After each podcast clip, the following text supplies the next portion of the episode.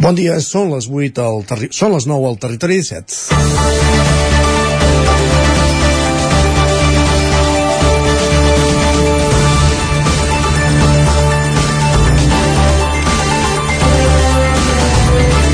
Vic és la ciutat de les comarques centrals on l'any passat es va registrar més superfície avisada. El tràmit d'avisar, imprescindible per construir un edifici nou o fer una rehabilitació, consisteix en el fet que el projecte rebi el vistiplau del Col·legi d'Arquitectes de Catalunya. Per tant, els metres quadrats visats pel Col·legi d'Arquitectes són un indicador per avaluar el vigor urbanístic. En el cas de Vic, les dades són il·lustratives. El 2022 es van visar 49.000 metres quadrats, xifra que representa una petita disminució respecte als 52.000 de l'any anterior, 52.200 per ser més exactes, però que mantenen la ciutat al primer lloc del rànquing on més s'edifica. Per extreure conclusions, a partir de les xifres cal una mirada més transversal. D'una banda, la superfície visada, en la mesura que és un pas previ necessari per construir, efectivament anticipa quin serà el grau d'activitat futur. A més, projectes visats, més construcció. Aquesta dada, en la mesura que és un sector que actua de motor econòmic, és positiva. D'altra banda, però, cal analitzar com es produeix i quines conseqüències té aquesta construcció. No és el mateix l'obra nova que la rehabilitació. Aquesta línia, la de la rehabilitació, cada vegada tindrà més pes. Els fons europeus Next Generation promouen l'adequació d'edificis per millorar-ne l'eficiència energètica. És un tipus d'actuació alineada amb les necessitats dels temps que vivim. Això no vol dir que no sigui positiu també que es faci obra nova. Ho és, però les noves promocions van lligades a la planificació del sol, circumstància que exigeix una planificació prèvia amb conseqüències sobre subministraments i serveis. És important preveure escenaris futurs per evitar colls d'ampolla que facin escalar els preus i el dels preus, precisament, és un punt on cal posar el focus. Venim d'uns anys d'interessos bancaris nuls, la qual cosa penalitza els estalviadors. Els diners al banc no han rendit. Invertir-los en totxo en un en període en què l'accés al crèdit està més barat és una opció que ha contribuït a fer pujar preus en un context, a més, d'encariment de les matèries primeres. Els preus dels lloguers de retruc també han crescut. Evitar que l'escalfament del sector l'escalfament del sector redundi en una alça de preus és una mirada necessària, més enllà de les xifres de superfície visada, que efectivament retraten el vigor urbanístic. És dimarts 14 de febrer en el moment de començar el territori 17 a la sintonia d'Ona Codinenca, Ràdio Cardedeu, La Veu de Sant Joan, Ràdio Vic, el 9 FM, el 9 TV, ja sabeu que ens podeu veure també a través de Twitch i YouTube, i a partir d'avui també a través d'un nou canal, d'una OTT que en diem, la xarxa Plus, és a dir, el Netflix de les televisions i les ràdios locals de Catalunya que avui veu la llum i al qual li donem la benvinguda. Dit això, comencem al Territori 17. Territori 17.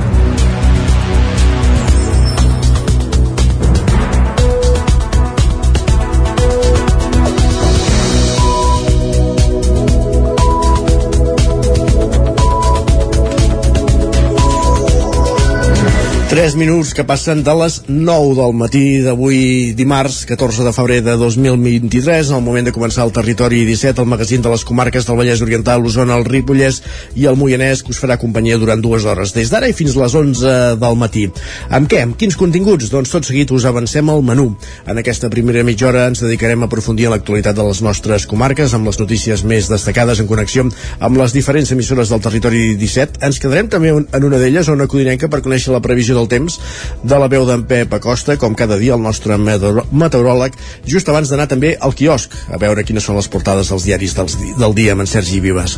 A dos quarts de deu en punt, l'Isaac Muntades ens portarà el tren a l'R3 recollir les cròniques dels oferts usuaris de la línia Barcelona-Vic-Ripoll-Puigcerdà. A l'entrevista anirem fins a Sant Feliu de Codines, a una codinenca.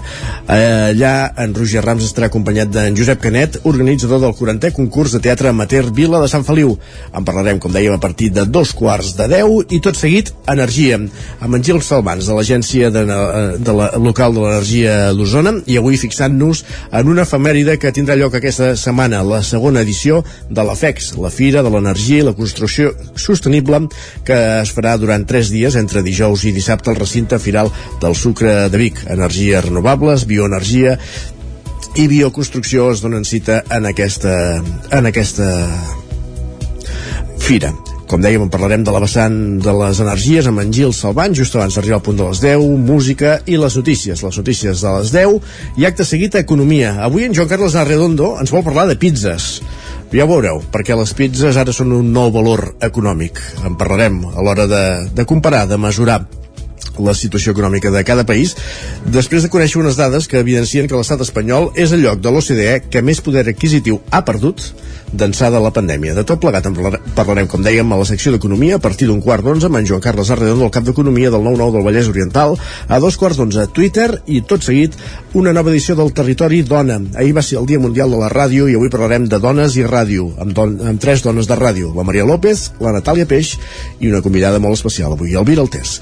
Tots, eh, tots eh, això serà avui al Territori Dona i també tot el que us hem explicat al Territori 17, que ara comença a les comarques del Vallès Oriental, Osona, el Ripollès i el Moianès.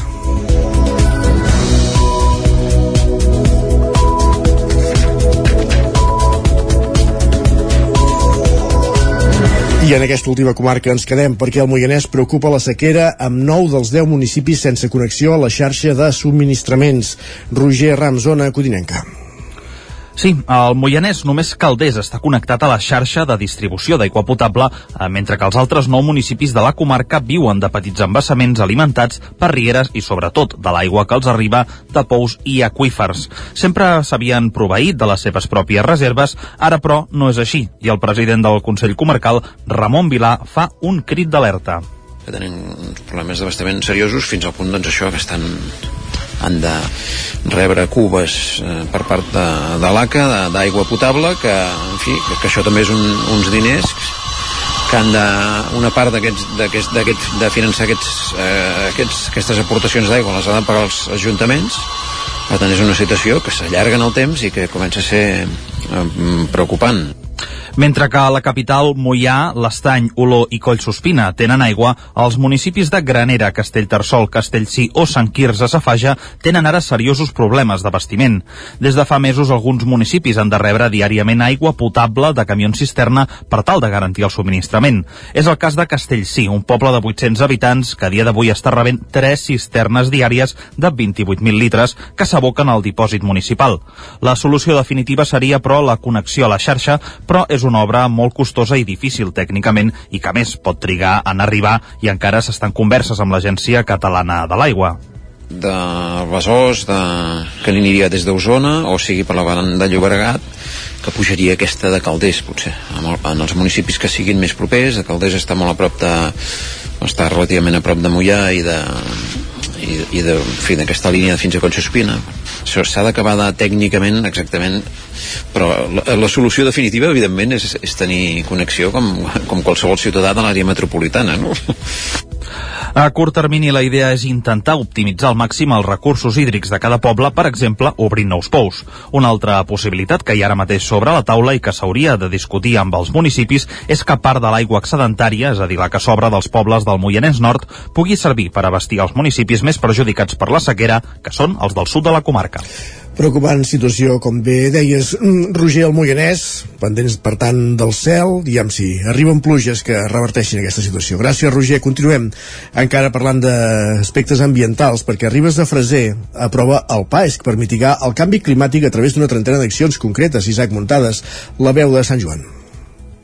El Departament d'Interior ha enllestit les Isaac. L'Ajuntament de Ribes de Freser va aprovar per unanimitat el Pla d'Acció per l'Energia Sostenible i el Clima, conegut com el PAESC. L'alcaldessa de Junts, Mònica Sant Jaume, va explicar que la Diputació de Girona és que ha redactat el pla amb les accions a desenvolupar per reduir les emissions de CO2 i mitigar el canvi climàtic de les 20 unitats que conformen el paisatge de les comarques gironines i per tots els municipis. Són més de 200 pàgines amb 30 accions concretes. El porteu de Tots Fem Ribes, Joaquim Roquer, està emocionat per aprovar un document que considerava molt ben fet i perquè el medi ambient és un concepte que ho engloba tot. Amb tot, al regidor republicà se li plantejaven una sèrie de dubtes a l'hora d'executar-ho per la magnitud de les inversions, ja que a vegades les més petites ja costaven, sobretot pel tema de trobar els diners per les primeres inversions fins al 2030. Podem escoltar-lo. Poso un exemple, cobrir el, el 30% del consum elèctric residencial amb solar fotovoltaica i amb autoconsum, això és aquest, aquest projecte és de 1.700.000 euros. O tenim un altre, la 14, que és maximitzar l'eficiència energètica dels edificis municipals, que és 1.275.000 700.000 euros. Hem de recordar que el nostre pressupost municipal és de 4 milions d'euros, un milió destinat a la residència i de que els altres 3 milions d'euros doncs podem fer una inversió molt petita, no? Roquer va exposar també que posar la xarxa de calor entre veïns i sector terciari costava 4,3 milions d'euros i que tot el pressupost pujava a 7,4 milions. El republicà apostava per prioritzar la gestió de l'aigua, els plans forestals i l'aprofitament de fusta i la gestió de residus. A més a més, va demanar que no fos un postureig i que es compleixi tot. L'alcaldessa Mònica Sant Jaume va explicar-li que no es tractava d'una carta als Reis i que els leds, la biomassa o els carregadors elèctrics que ja s'havien començat a fer en donaven fe.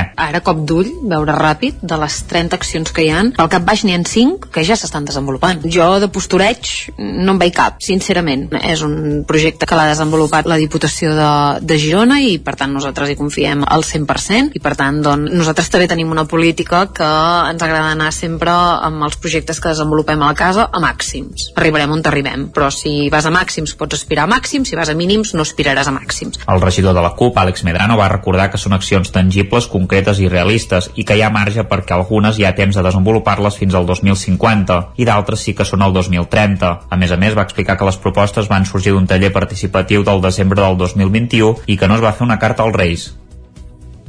Bona, la màxima de l'alcaldessa de Ribes, si vas a màxims, aspiraràs a màxims, si vas a mínims, no? És clar català. Més qüestions. Interior llesteix la reforma del Parc de Bombers de Granollers, Pol Grau, Ràdio Televisió, Cardedeu. Ara sí. El Departament d'Interior ha enllestit les obres de reformació i ampliació del Parc de Bombers de Granollers que ha permès ampliar les instal·lacions amb un nou edifici d'uns 300 metres quadrats que acull el gimnàs, una aula de formació i els armaris per als equips de tota la plantilla, a més del magatzem, el taller, un lavabo adaptat per a persones amb mobilitat reduïda i una zona per assecar els jaquetons i altres peces de roba de després de les actuacions. El procés de remodelació del Parc de Bombers de Granollers va començar a finals de 2019. Després de mig any, l'empresa que havia guanyat el concurs va deixar l'obra, tot just quan es començava a fer la renovació de la coberta. L'obra es va mantenir aturada durant 7 mesos fins que es va poder fer una nova adjudicació cap al gener de 2021. Les millores que s'han pogut anar sumant al projecte inicial han fet que la remodelació s'hagi acabat d'allargar més del previst. Gràcies, Pol. Més qüestions. La nevada de principis de la setmana passada s'ha traduït en una llau de visitants aquest cap de setmana passat als punts més alts de la comarca d'Osona. Aglomeracions que s'han registrat a punts com Collformic o el Brull, el Montseny, però també al Coll Sacabra. Sergi Vives. Des de l'Ajuntament lamentaven la presència de conductors incívics que al llarg de tota la setmana s'han dedicat a derrapar sobre la neu amb turismes i vehicles 4x4.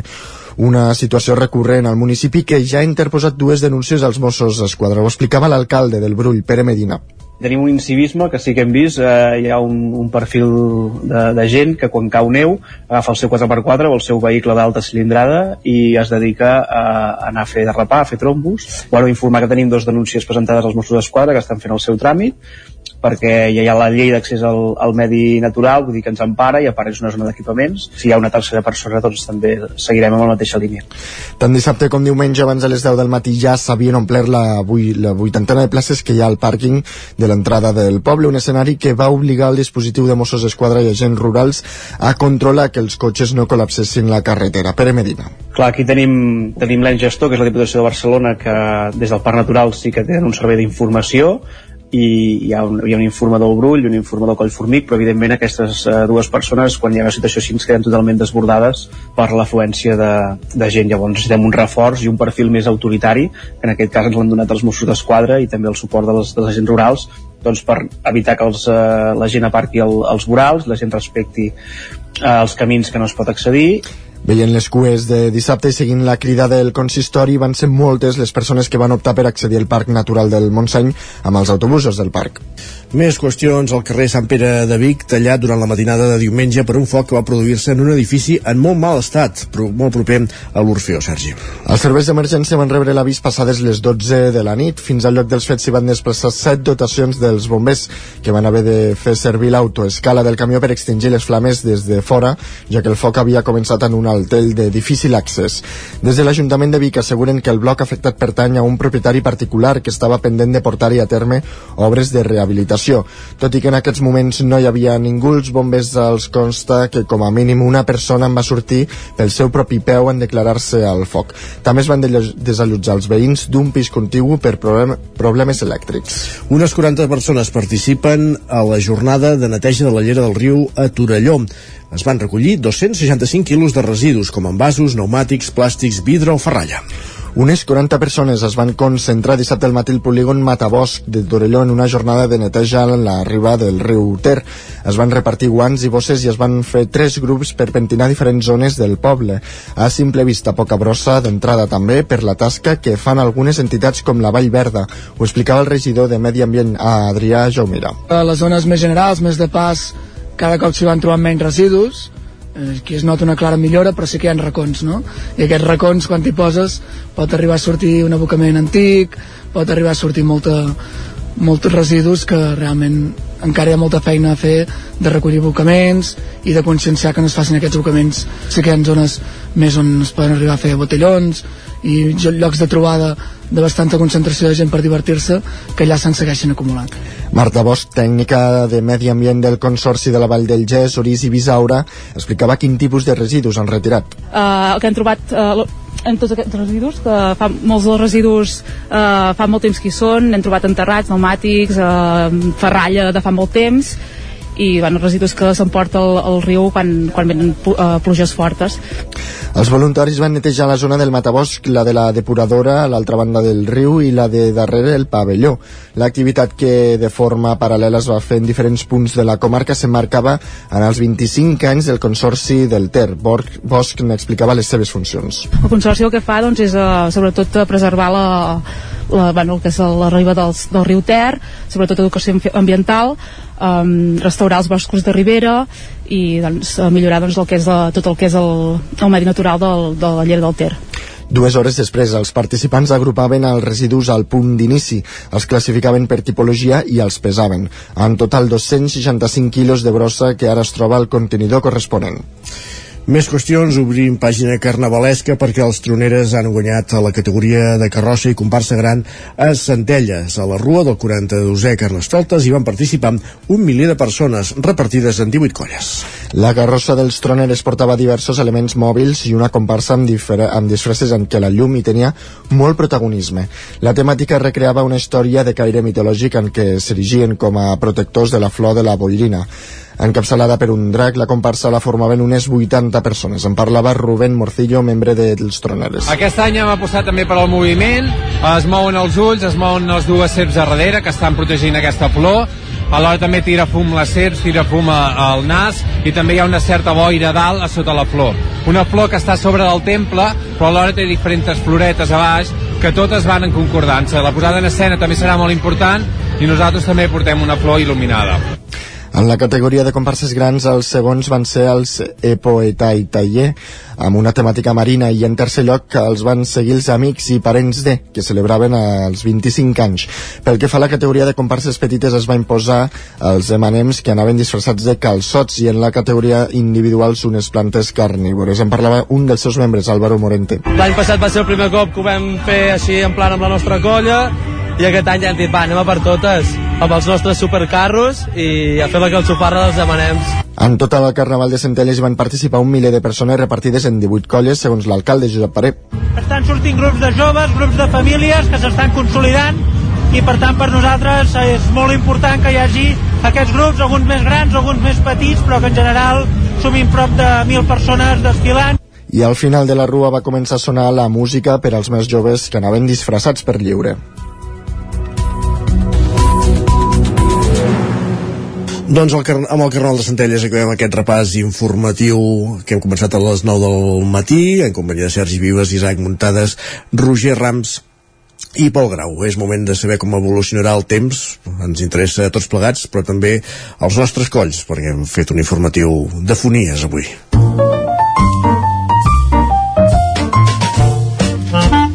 Casa Terradellos us ofereix el temps. I com evolucionarà meteorològicament la setmana ens ho explicarà en Pep Acosta, el nostre home del temps, una codinenca. Bon dia, Pep. Hola, molt bon dia. Què tal esteu? Espero que tot bé. Uh, pel que fa al temps, continuem amb aquesta situació anticiclònica, aquest enorme anticicló que cobreix tota Europa occidental i que és això, és enorme, si està movent aquí, i no es vol moure.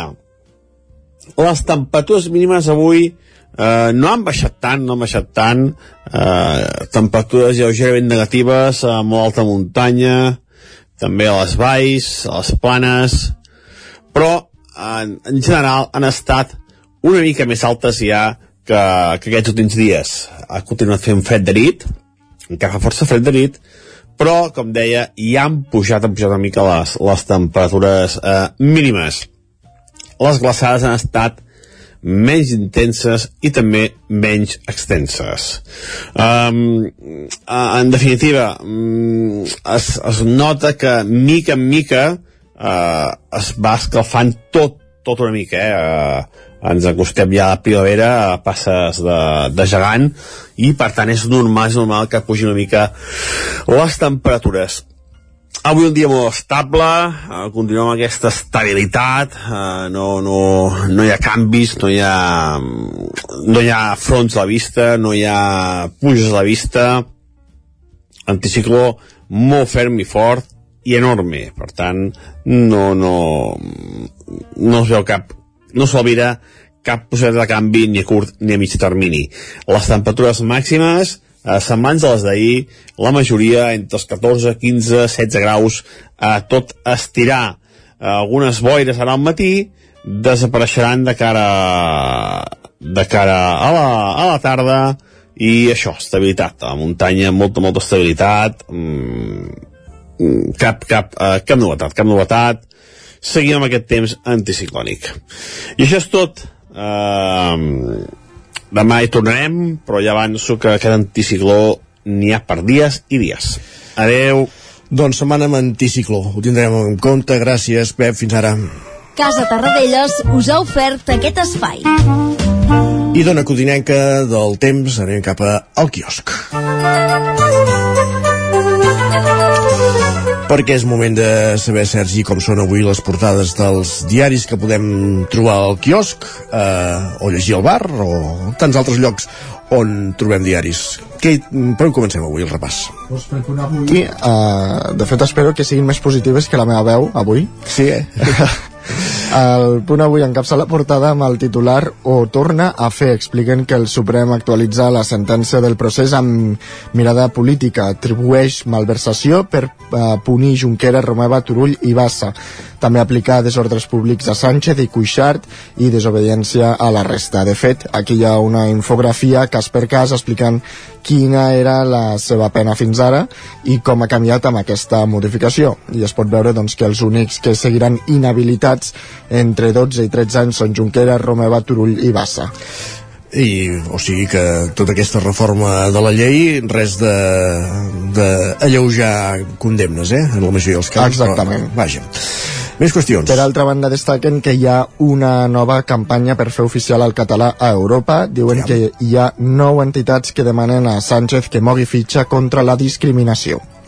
El periòdico diu que el Suprem descol·loca el PSOE i Esquerra al mantenir les penes per malversació. Expliquen que la decisió de confirmar la inhabilitació de Junqueras fins al 2031 desbarata l'estratègia de la desjudicialització de l'executiu.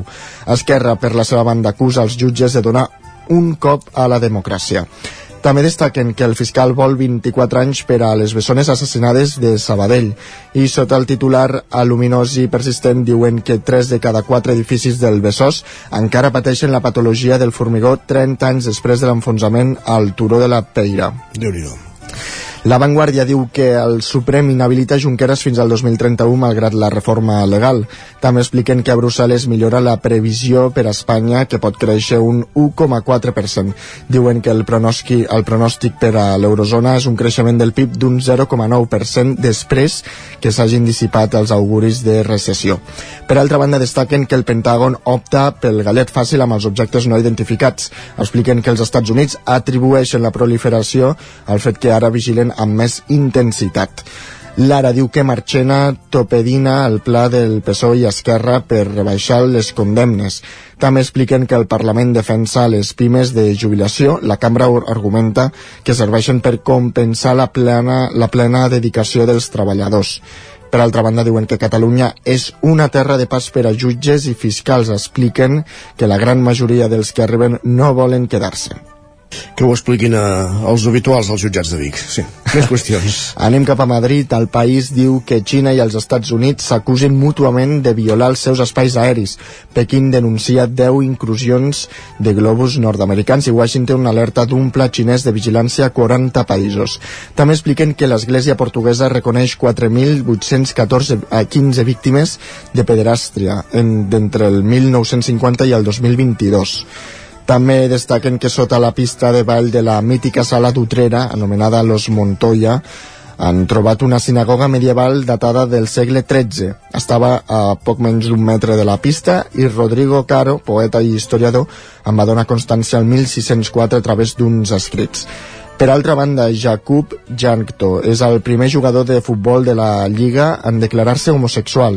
El jugador del Getafe, cedit a l'Esparta de Praga, ho va anunciar ahir a través d'un vídeo al seu Instagram. Uh -huh. L'ABC... Un pas important al món de futbol, que un jugador doncs, sortir de l'armari. Doncs sí encara a la Lliga no n'hi no havia cap. Correcte. L'ABC diu que el Suprem certifica la desprotecció de l'Estat, expliquen que el Tribunal del Procés falla per unanimitat mantenir la inhabilitació per malversació a Junqueras fins al 2031, però adverteix que la reforma penal de Sánchez deixa sense càstig els processos secessionistes ni no violents. El Mundo diu que el, un nou 1 d'octubre quedaria impune, a veure si és veritat. Explica... Ve veient els precedents no ho sembla, però vaja, en fi, Exactament. Expliquen que l'alt tribunal alerta que suprimir la sedició permet un altre intent de, ses, de secessió sense conseqüències penals. També destaquen el boom que hi ha de sugar babies, és a dir, noies o inclús nois que obtenen diners a canvis de fotos sexuals, companyia i sexe. Expliquen Ai que les associacions que lluiten contra l'explotació sexual alerten que es tracta de prostitució encoberta. I ara acabem amb la Razón, que diu que Ayuso és un pont entre Madrid i Israel. Expliquen que la presidenta madrilenya promou intensificar els llaços comercials amb l'estat hebreu. Ara que Barcelona ha trencat relacions. Per casualitat, eh? No, sí. No. Uh, els que ens veieu a través de la pantalla veureu que estic ensenyant el meu telèfon mòbil on s'hi veu un, que s'està reproduint el Territori 17. Això ho fem a través de la xarxa Plus, aquesta nova app, aquesta nova OTT, aquesta nova plataforma a partir de la qual es poden veure continguts elaborats per les televisions locals i també el directe, per exemple, del Nou TV. Fem una pausa i tornem tot seguit. El nou FM, la ràdio de casa, al 92.8. No t'ho creuràs. M'ha trucat el servei tècnic oficial de Saunier Duval perquè han detectat a distància que li falta aigua a la caldera. Era a casa i no me n'havia donat. I què has fet? Res, perquè el meu servei de manteniment Mi Saunier Duval Connect m'ha donat una solució en qüestió de minuts. Informeu-vos a connectivitat.saunierduval.es. Saunier Duval, sempre al seu costat. Piscines en export. Disseny, garantia, qualitat... Excavacions en export. Excavacions i moviments de terres, enderrocs i murs de pedra natural.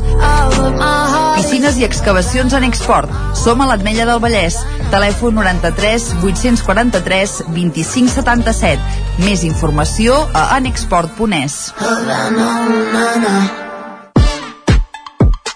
Al forn de pa i pastisseria Glina hi trobareu una gran varietat de pans de producció pròpia amb farina de blat i de molts altres tipus, tots elaborats al nostre obrador. També us oferim tortells, braços de gitano, coques, brioixeria i pastes seques i pastissos personalitzats. I ara també ens trobareu al Mercat Municipal de Torelló. Forn de pa i pastisseria Glina, carrer Major número 9 de Sant Vicenç de Torelló i Mercat Municipal de Torelló. Ja tens la teva disfressa? Carnestoltes a Manli. Vine i demana'ns la disfressa que vulguis. Trobaràs un món de fantasia en disfresses i complements per al Carnestoltes. Hi ha uns preus especials. Som al carrer Ramon Soler, número de Vic, i també ens trobareu a manli.cat. Fem de la festa una bogeria. Una bogeria. Cocodril Club. Si t'agrada la bona música dels anys 60, 70 i 80, escolta el 9 FM els matins de dissabtes i diumenges d'11 a 1. És el temps del Cocodril Club, tot un clàssic de la ràdio, amb les bases del pop-rock, les llegendes, les cançons que s'han convertit en autèntics himnes. Recorda, dissabtes i diumenges al matí, d'11 a 1, al 9 FM 92.8. Cocodril Club, el programa revival de l'Albert Malla. Hasta luego, cocodrilo. Bon dia, són les 9 al Territori 17. Una Miquel Parella. Cada matí i durant dues hores t'acompanyem i et posem al dia de l'actualitat de casa nostra. Potenciant així l'autonomia En aquest cas me la peça el taler si no... Cursos per feminitzar el pensament masculí. Territori 17, el magazín matinal d'Osona, el Moianès, el Ripollès i el Vallès Oriental. Que la meva àvia de 93 el anys... 9 FM, el 9 TV, el 99.cat i també els nostres canals de Twitch i hora YouTube. demà per fer-se un tatuatge. Cada matí, Territori 17. Ole. Anuncia't al 9FM. La màquina de casa. 9 3 8 8 9 4 9 4 9. Publicitat arroba al 9FM.cat. Anuncia't al 9FM. La publicitat més eficaç. Territori 17.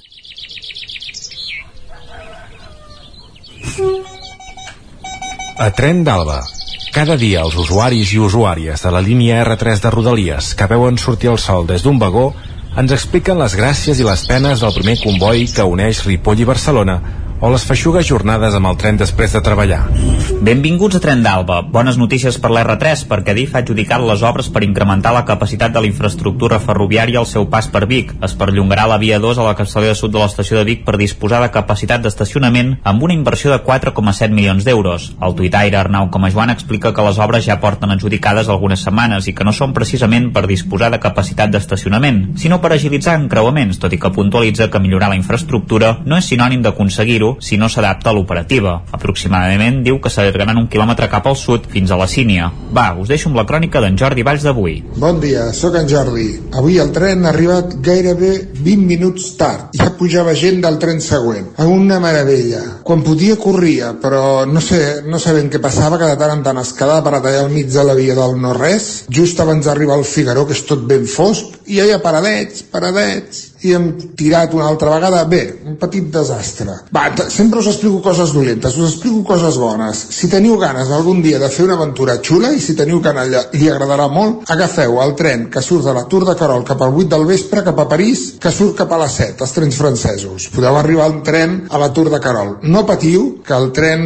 més proper arriba dues hores abans de que marxi el tren francès. Per tant, tindreu temps de fer l'enllaç. I si podeu agafar lliteres, fins i tot us donen mitjonets per no passar fred, que està molt xulo. I arribeu a París a les 7, 8 del matí, que és super d'hora. Clar, direu, i què faig dues hores tirat a la Tour de Carol? Senzill. Al costat de l'estació francesa de la Tour de Carol hi ha un bareto que fa, per les fotos que he vist de gent friqui com jo dels trens, uns bocates superbons. Doncs aprofitem-ho també, no? Després, bueno, podeu anar lliteres, podeu anar amb butaques, però si no en família, lliteres compartides així, tancat, el compartiment no és massa car, el bitllet no és car, no és car, i és una aventura molt i molt xula. I viatjar de nit és tot un luxe. Ja sé, ah, és que es belluga el tren. Bueno, també tenim veïns que molesten a casa, vale? O sigui, tampoc passa res. I és molt xulo, és una experiència. Doncs vinga, us animo. La Tour de Carol París, escapada en família. Vinga, adeu-siau. Carai, en Jordi, quina aventura que ens proposa. Doncs ja ho sabeu, aquest cap de setmana podeu anar a buscar aquest tren a la Tour de Carol fent prèviament l'entrepà en aquest bar i anar fins a París. I un cop a la capital francesa teniu un munt de coses per fer, això sens dubte. Va,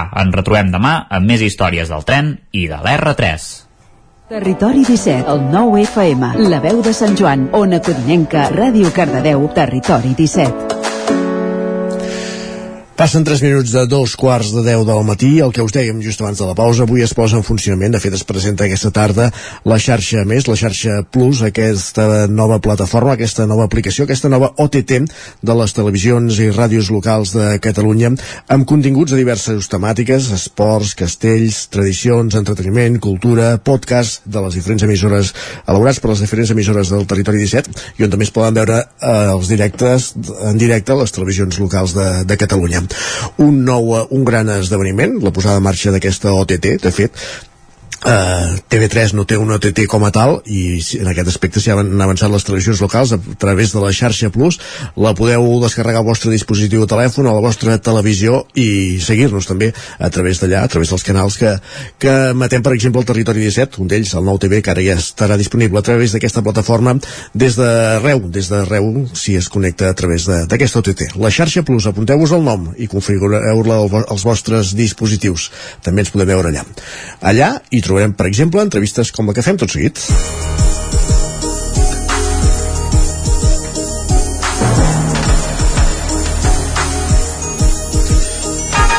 Avui a l'entrevista anem cap a una codinenca on ens acompanya en Josep Canet, director del grup de teatre de Xalles 81 i un dels organitzadors del 40è concurs de teatre amateur Vila de Sant Feliu de Codines, un concurs que aplega formacions de diferents punts del territori i on s'hi poden veure representacions de molts estils. Amb ell hi tenim, com no, en Roger Rams. Benvingut, Roger, bon dia. Bon dia, què tal? Molt bé, tu? Doncs uh, bé, bé, bé, estem aquí uh, en companyia, com deies, d'en Josep Canet uh, per parlar avui de teatre, en concret de teatre amateur. Josep, què tal? Bon dia, gràcies per acompanyar-nos. Bon dia. Com va? Mira, bé, bé, bé. Tot en plena bé? temporada. Tot bé, en plena, en plena ebullició. Aviam, avui estem uh, per parlar aquí del quarantè, la quarantena edició del, del concurs de teatre amateur Vila de Sant Feliu.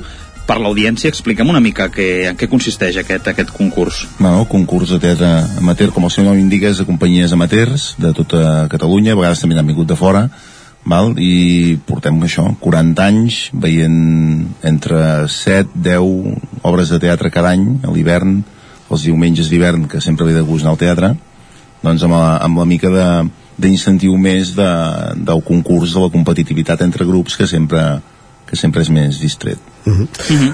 El, li deia, sembla senzill d'entrada, concurs de teatre amateur, però clar, ja porteu 40 anys.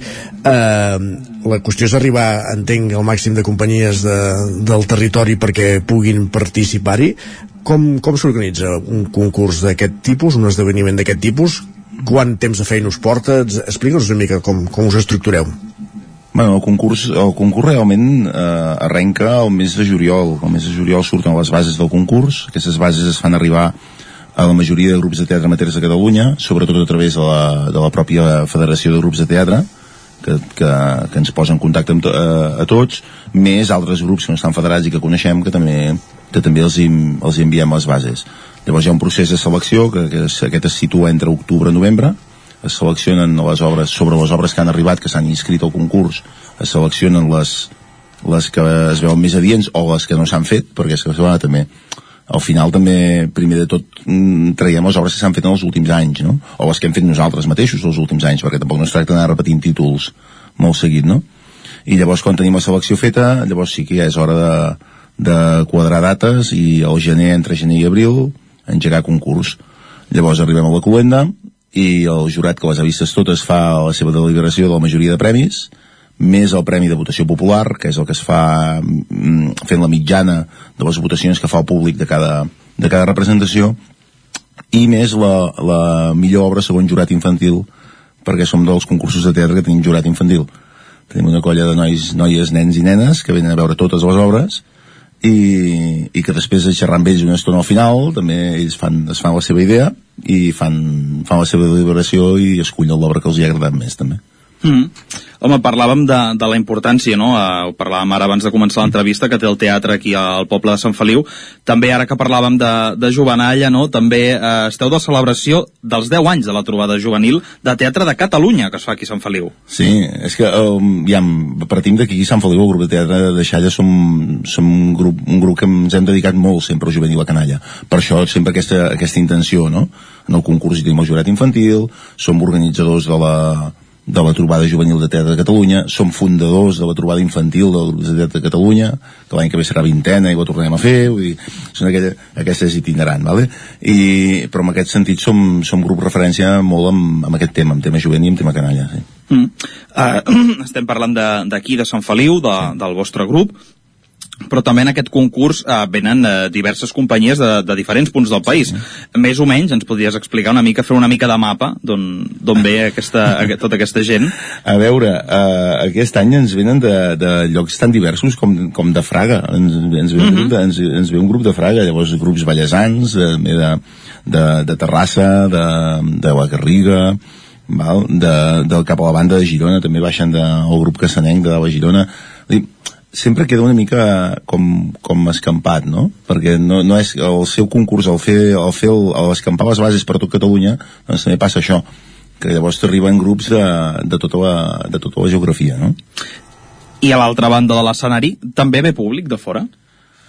Bueno, uh, de Vigues puja gent, uh, aquest any no sé si puja, pujaven cada any una colla de Cardedeu, aquest any no els he vist encara, però també pujaven, dir, de Cales puja gent, clar, vulguis que no, el, ser una, el, el tenir aquests 40 anys d'història, hi ha, hi, ha, hi ha com molt aquest costum, no? El d'hivern, ah, sí, no, el diumenge Sant Feliu fan teatre. Crea una referència, no? Sí, sí, sí realment sí. Uh -huh. Les tardes d'hivern, el casal, teatre, i generalment ens en sortim prou bé de, amb una selecció prou bona que, que fa que n'hi hagi per tots els gustos val? i llavors resulta, resulta bé de públic sí. Uh, quantes companyies i quantes representacions? Per tant vol dir aquest concurs diguéssim durant quant temps podem veure aquestes representacions? I quantes, i quantes companyies hi, part, hi participen? No sé si, si heu d'establir sí. algun, algun criteri per, per tallar diguéssim o es fa alguna selecció prèvia. Sí, bueno, clar, al final, al final a nivell organitzatiu intentem situar-nos entre, entre el gener i la Setmana Santa perquè si saltem Setmana Santa ja Sant Feliu és un poble molt actiu d'entitats, vale? i llavors ja comencem a col·lapsar masses dates i, i, ja, no, ja no dona i també una mica el factor econòmic vale? que al final també eh, la, la butxaca et dona, et dona pel que et dona generalment són, són això 10-11 setmanes aquest any són 10 8, setmana, 8 companyies en concurs que venen de fora més nosaltres que aprofitarem per estrenar-ne dues una, una amb jovent que l'estrenem aquesta setmana, aquesta setmana no la que ve comèdia negra i llavors a la Cluenda que la Cluenda del concurs també la farem nosaltres i suposo que si tot va bé estrenarem Polvorons que també, també ens donarà per, per riure una estona uh, vull, jo volia aprofundir en això, en la idea de, de concurs, no? perquè mm. parlem tota l'estona d'aquest uh, quarantè concurs per què es diu concurs i quin premi hi ha i què es valora no, en aquest concurs, perquè clar, concurs... Sí, sí, sí, el, el concurs, aviam, el concurs de teatre, eh, el, de, el nostre, el de Sant Feliu, potser és encara dels més dels més purs o dels més jo a vegades en dic hippies i tot vale? perquè és del, dels que econòmicament està, no està molt dotat vale? de, a nivell del que es paga de gastos a cada grup val? no hi ha premis, no hi ha premis en metàl·lic perquè considerem que, considerem que si hi ha uns recursos que podem repartir entre els grups els hem de repartir per tots per igual val? I, i per tant llavors posar-hi premis en metàl·lic és com, com embrutar una mica, almenys per nosaltres, eh, pel nostre grup. Hi ha molts concursos que tenen premis mm -hmm. en metàl·lic, eh? I llavors el que, el que es fa som el jurat, el jurat delibera sobre diferents qüestions de les obres de teatre. Vale, per un cantó hi ha els premis, hi ha els premis individuals, que són per actors i per actrius, tant de repartiment com principals, Val? Llavors hi ha una categoria de, de, de premis a la millor direcció, a la millor escenografia, i, i llavors hi ha la millor obra, la millor obra que englobaria una mica, una mica tot el conjunt. En total són 24 premis, vale? més el infantil, més el del jurat infantil. Per tant, si no són econòmics, el, la compensació eh. que es dona és... Trofetxos. Trofeig. Sí, trofeig. Aquí estem de sort que algun artista local ens els fa, mm -hmm. també, amb el qual són bastant originals, que són molt apreciats en el Home. grup, eh, entre els grups, perquè també els grups que fem molts concursos, llavors va durar una època que aquestes coses no es cuidaven tant, vale? i to tots teníem les copes iguales. Eh? Donaven la copa que era igual que la del, que la del hockey o que era igual que... Les dues màscares de, de Shakespeare, no diguéssim. ah, exacte, t'hi col·locaven les dues mascaretes i vinga. Però ara sí, ara es cuida molt, eh? A nivell de concursos a Catalunya, aquestes coses ja, ja s'han anat s'han anat tocant també, sí, sí. Hi ha algun gènere que tragui més públic a la sala o, o, o més predominant entre les companyies participants? Nosaltres intentem de repartir, eh? perquè intentem de... El públic el vas acostumant, val? i mica en mica li vas, li vas, li, li vas encaixant coses.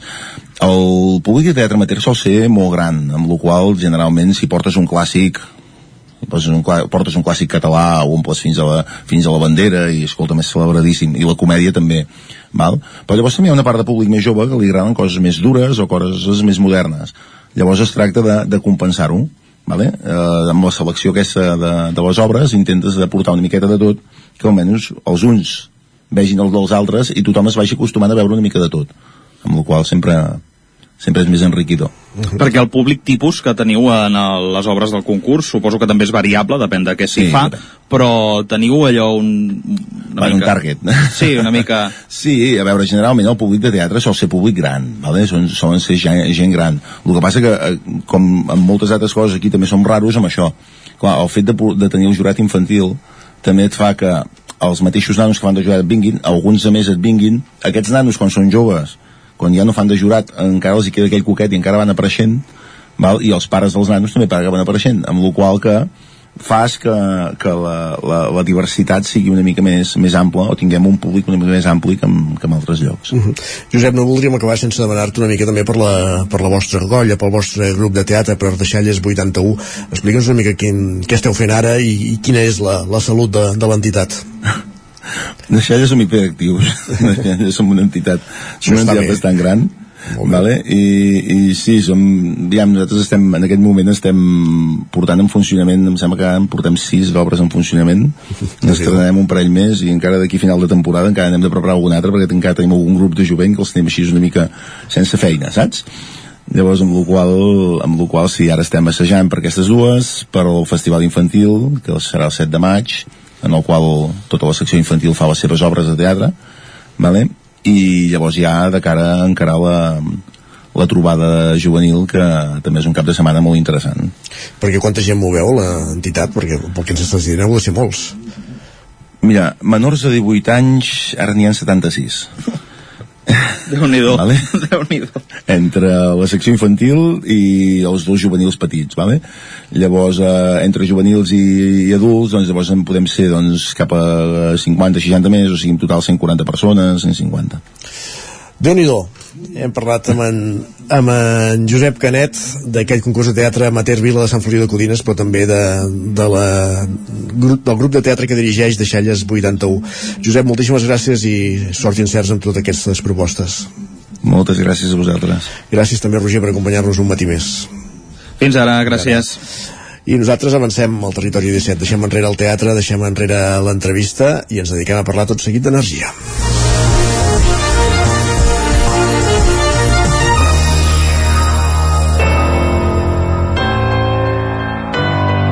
Territori, Territori 17. 17. Territori 17.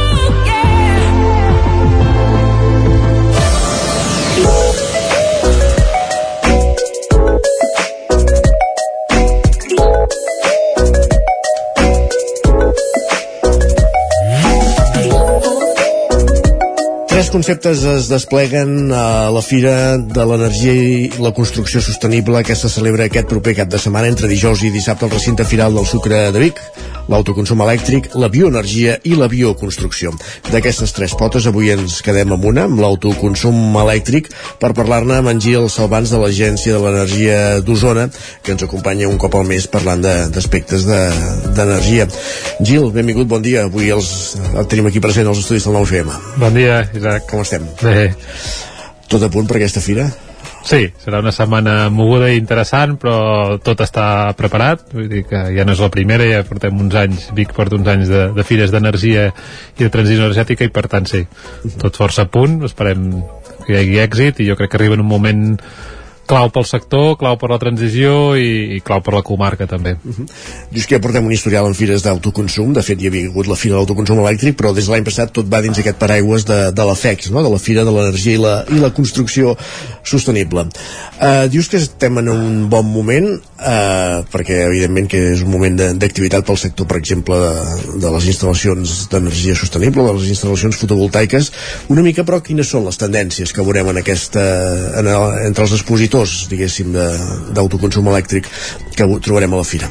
Jo crec que és interessant perquè, perquè eh, a nivell d'exposició es veurà una mica tot el ventall actual de, de, de l'autoconsum, de la transició energètica, sobretot centralitzada en temes d'autoconsum. Aquí a la comarca i gran part de Catalunya, eh, com, com hem parlat altres vegades, les plaques solars i l'autoconsum serà la pota principal per impulsar aquesta transició que ens ha de portar a ser molt més sostenibles i, i, i autosuficients de cara als pròxims anys a la fira ja n'hauràs tants per uh, d'instal·ladores, d'empreses de, petites de la pròpia comarca que et poden muntar instal·lacions d'autoconsum en un domèstic, vull dir, la gent pot anar a demanar pressupost, a veure quina dimensió tindria per casa seva, jo animo les persones a anar-hi, qui, qui tingui interès en, en fer autoconsum, a, anar a, a, a la fira, fins i tot portar alguna factura elèctrica, perquè sempre va bé tenir dades quan, quan els instal·ladors els hi miren i els hi fan pressupostos, i també hi haurà eh, tecnologies avançades, a sistemes de, de, de produir energia amb fotovoltaica, amb, amb persianes, amb teules, bueno, coses més avançades que segurament ara no estan en el mateix rendiment econòmic o en la mateixa viabilitat econòmica que, que les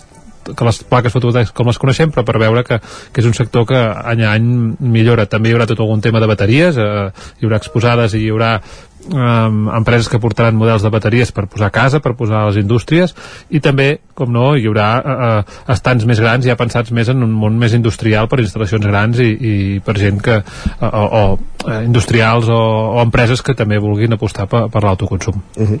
Perquè la tecnologia és evident que, que evoluciona respecte a l'últim any, diguéssim, hi ha alguna novetat destacable, perquè recordo que l'últim any parlàvem de, de, de les bateries, no? que cada cop eren més eficients, més petites petites, més rendibles. Jo crec que la bateria és el punt de, de més evolució. Jo crec que els mòduls fotovoltaics també és veritat que, que a la fira veurem que segurament fa un any o fa dos anys els mòduls eren tots de, de cap a 400 watts cada placa, 400 i pico.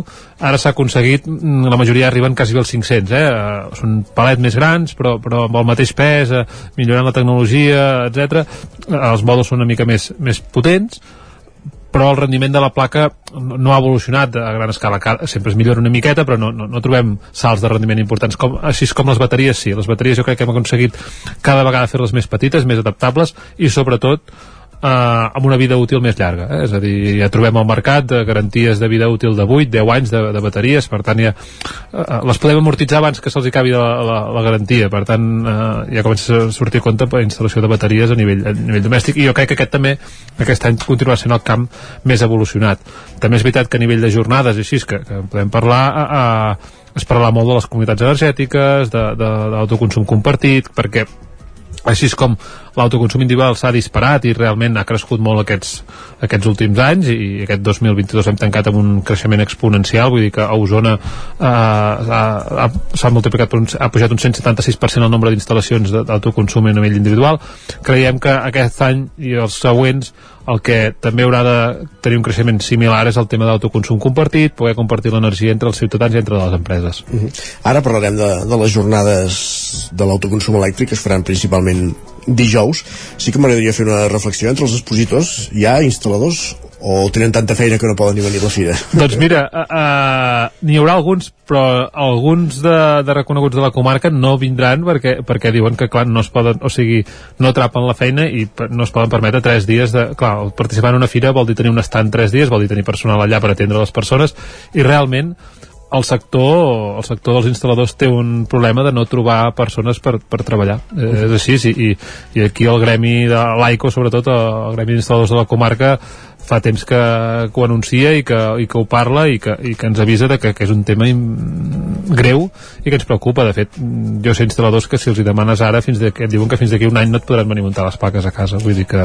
De fet, és un tema recurrent que fa temps que en parlem. Ahir, sense anar més lluny, em van fer una peça al Telenotícies a TV3 i, i ara, pensat en consonància amb això, eh, està bé treure el tema perquè sí que és cert que, que això, que, que costa trobar-ne i costa a vegades trobar formacions al territori per formar aquestes persones, no? aquests futurs treballadors.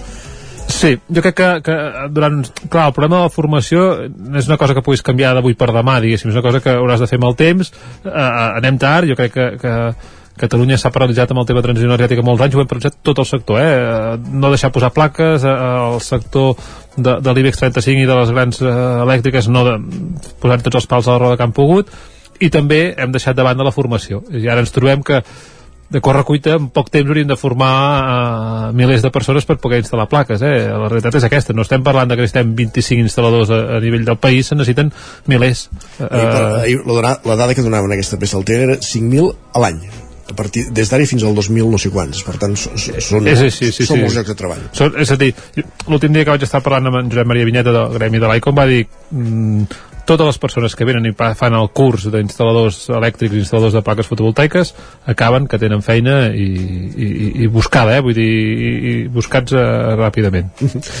doncs és el, la situació del, del gremi dels instal·ladors uh, avui ara mateix, uh, com dèiem, uh, representació alguna altra hi haurà en aquesta fira dedicat, parlem de les jornades que com dèiem principalment es faran dijous hi ha la jornada, la sessió inaugural a càrrec de la directora general d'Energia de, de la Generalitat de l'Assumpte Ferran però acte seguit també hi ha eh, la ponència mediàtica amb en Tomàs Molina parlant de la meteorologia de l'any del clima de l'any 2030 diguéssim no?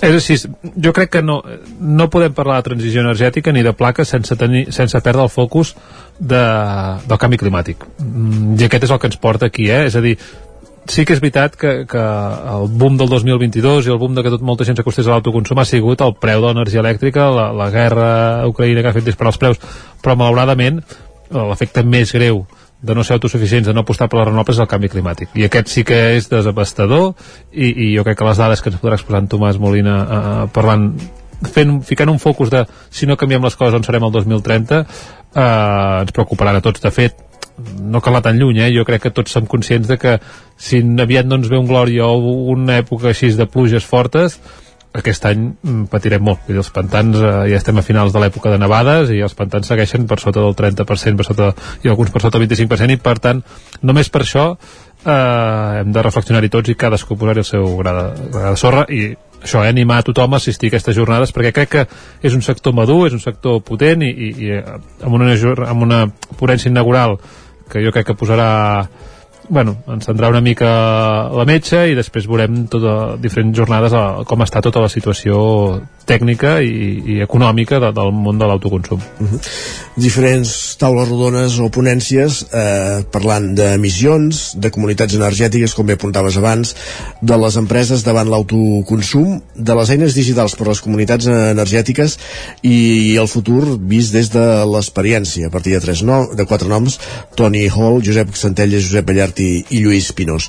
Aquests són els grans títols d'aquestes ponències de les jornades tècniques de l'autoconsum elèctric de, de dijous durant tot el dia el recinte final el, el sucre però on vols començar? Per les comunitats energètiques? Bé, apuntaves que, que, que l'autoconsum compartit és, és la tendència del moment, no? Jo crec que sí, jo crec que aquestes jornades, és a dir, dijous toquem tots aquests temes que has comentat, Isaac, i jo crec que la, la, la ponència de les 12 i quart en tema de, de comunitats energètiques acostarà uh, veurem la situació, veurem la situació a, a nivell de país i també la situació a nivell de, d'Osona, eh, que, que en, aquest, en aquest camp som força pioners. Eh, a més a més vindrà, vindrà la Sara de la Serna, que és la responsable de comunitats energètiques a nivell de tot l'estat espanyol, a, a, a parlar de, des de l'IDAE, des, de, des del Ministeri, i jo crec que ens farà una, una radiografia de veure com, com estem en un punt àlgic. De fet, eh, aquesta setmana es tancava les segones ajudes per comunitats energètiques a nivell de l'Estat. Eh, des d'Osona s'han presentat més de 10 projectes, eh, per tant, eh, la cosa segueix creixent. I jo crec que, que podrem veure, eh, també es presentarà la cooperativa de segon grau, que és la cooperativa que coordina totes les comunitats energètiques de la comarca, eh, i també hi haurà representats eh, gent de quilòmetre zero, que és una de les consultores que més comunitats energètiques i autoconsums compartits ha impulsat al país. Per tant, molt interessant aquesta jornada. També tot i que no hi sigui el dijous, sí que el dissabte, i sí que fer un recordatori i animar tothom dissabte al matí. Hi ha una jornada formativa per les comunitats energètiques organitzada també des de Osona Energia i, i el Consell Comarcal i, i en el marc de la Fira, a l'edifici del Sucre, tot el matí des de les 10 fins a la 1 Uh, allà estan convidades totes les comunitats energètiques d'Osona i de la resta del país per, per fer sessions molt formatives eh, per a les persones que participen en aquestes comunitats uh, es puguin formar i puguin participar-hi. I també no, no em voldria deixar que, que divendres a la tarda, em sembla que és a, les, a dos quarts de sis de la tarda es presenta Bicop, que és la comunitat energètica de Vic, de la ciutat de Vic que ja està uh, a punt de crear-se o no sé si ha anat a signar i està creada però fa la presentació pública, la primera presentació pública aquest divendres a la tarda, també en el marc de la Fira i per tant anima tota aquella gent de Vic eh, i dels entorns que, que, que tinguin ganes d'apuntar-se en, en aquestes comunitats a, a participar-hi. Es presenta la de Vic la Fira, aquests dies també es presenta la de Taradell. Fem el minut i el resultat de les comunitats energètiques sí. mateix la comarca. Quantes en tenim? En tenim, en tenim 20 de creades, diguéssim, sí. uh, 20 de constituïdes, uh, sis més en fase de constitució mm, jo crec que arribarem a les, a les 25 de creades aquest any, 26 i, i jo crec que, que amb 30 projectes moguts lo important, jo crec que el minut resultado d'avui el més destacat és que Balanyà ja té la primera instal·lació executada Molt bé. Uh, i publicaven un vídeo a les xarxes i ja té la primera instal·lació de 55 quilowatts que donarà servei a 26 famílies dues d'elles de famílies vulnerables per tant allò que dèiem sempre, eh, tenim moltes comunitats molta gent uh, implicada però no tenim encara projectes, ara ja podem dir que tenim el primer i esperem que que per exemple en el cas d'Olost amb dos tres mesos tinguem també les primeres instal·lacions. Balanyà també en breu en tindrà dues més.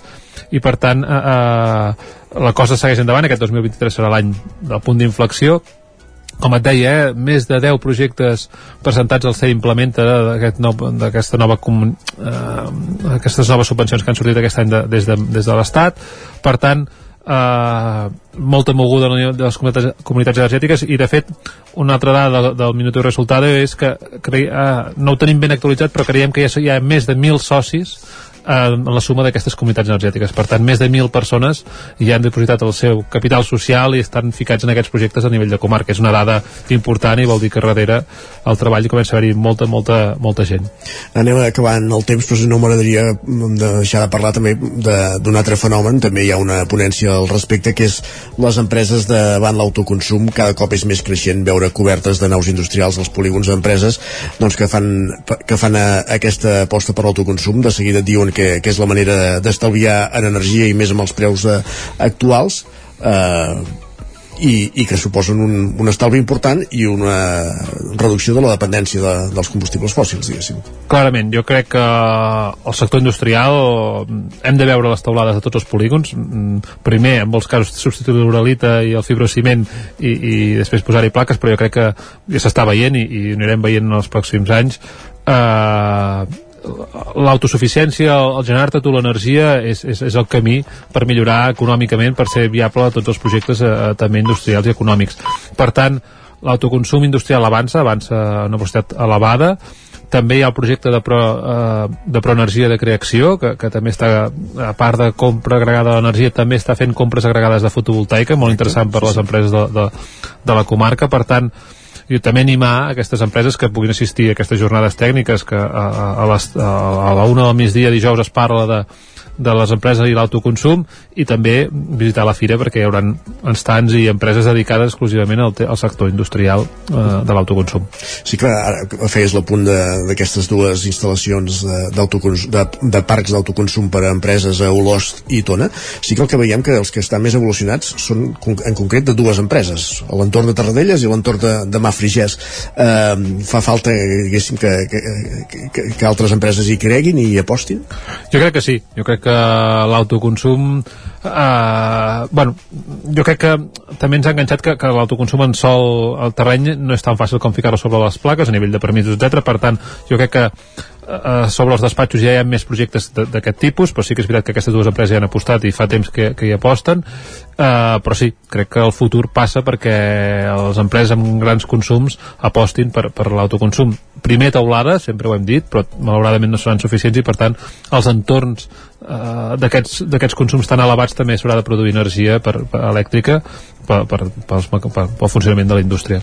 L'autoconsum elèctric, una de les tres potes de la fira de, de la de l'AFEX, de la Fira de l'Energia i la Construcció Sostenible que se celebra aquest cap de setmana a Vic, entre dijous i dissabte n'hem parlat a la secció d'energia amb en Gil Salvans. Les altres dues potes són la bioenergia i la bioconstrucció amb ponències de, de tot tipus, també de fusta constructiva, de geotèrmia i de molts altres àmbits. Avui, com dèiem, hem posat la lupa en l'autoconsum elèctric. Eh, Gil, molt bona fira, gràcies per Moltes gràcies venir una setmana més i actualitzar-nos. Gràcies.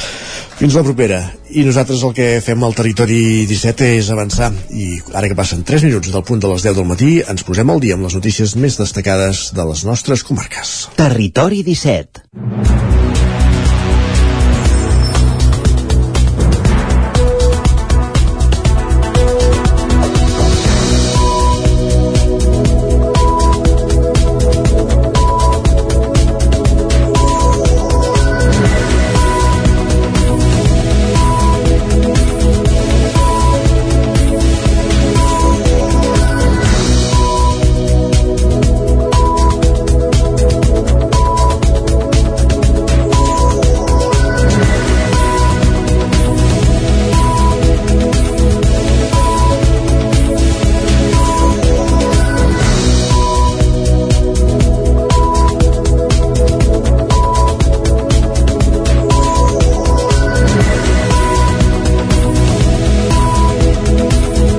Moment al territori 17 d'actualitzar-nos, de posar-nos al dia amb les notícies més destacades de les nostres comarques, el Vallès Oriental, Osona, el Ripollès i el Moianès, i ho fem en connexió amb les diferents emissores del territori 17. Una d'elles, Ona Codinenca, i cap allà que anem, Vigues i Riells del FAI, llança una campanya per visibilitzar les dones que es dediquen a àmbits relacionats amb la ciència. Roger Rams, Ona Codinenca.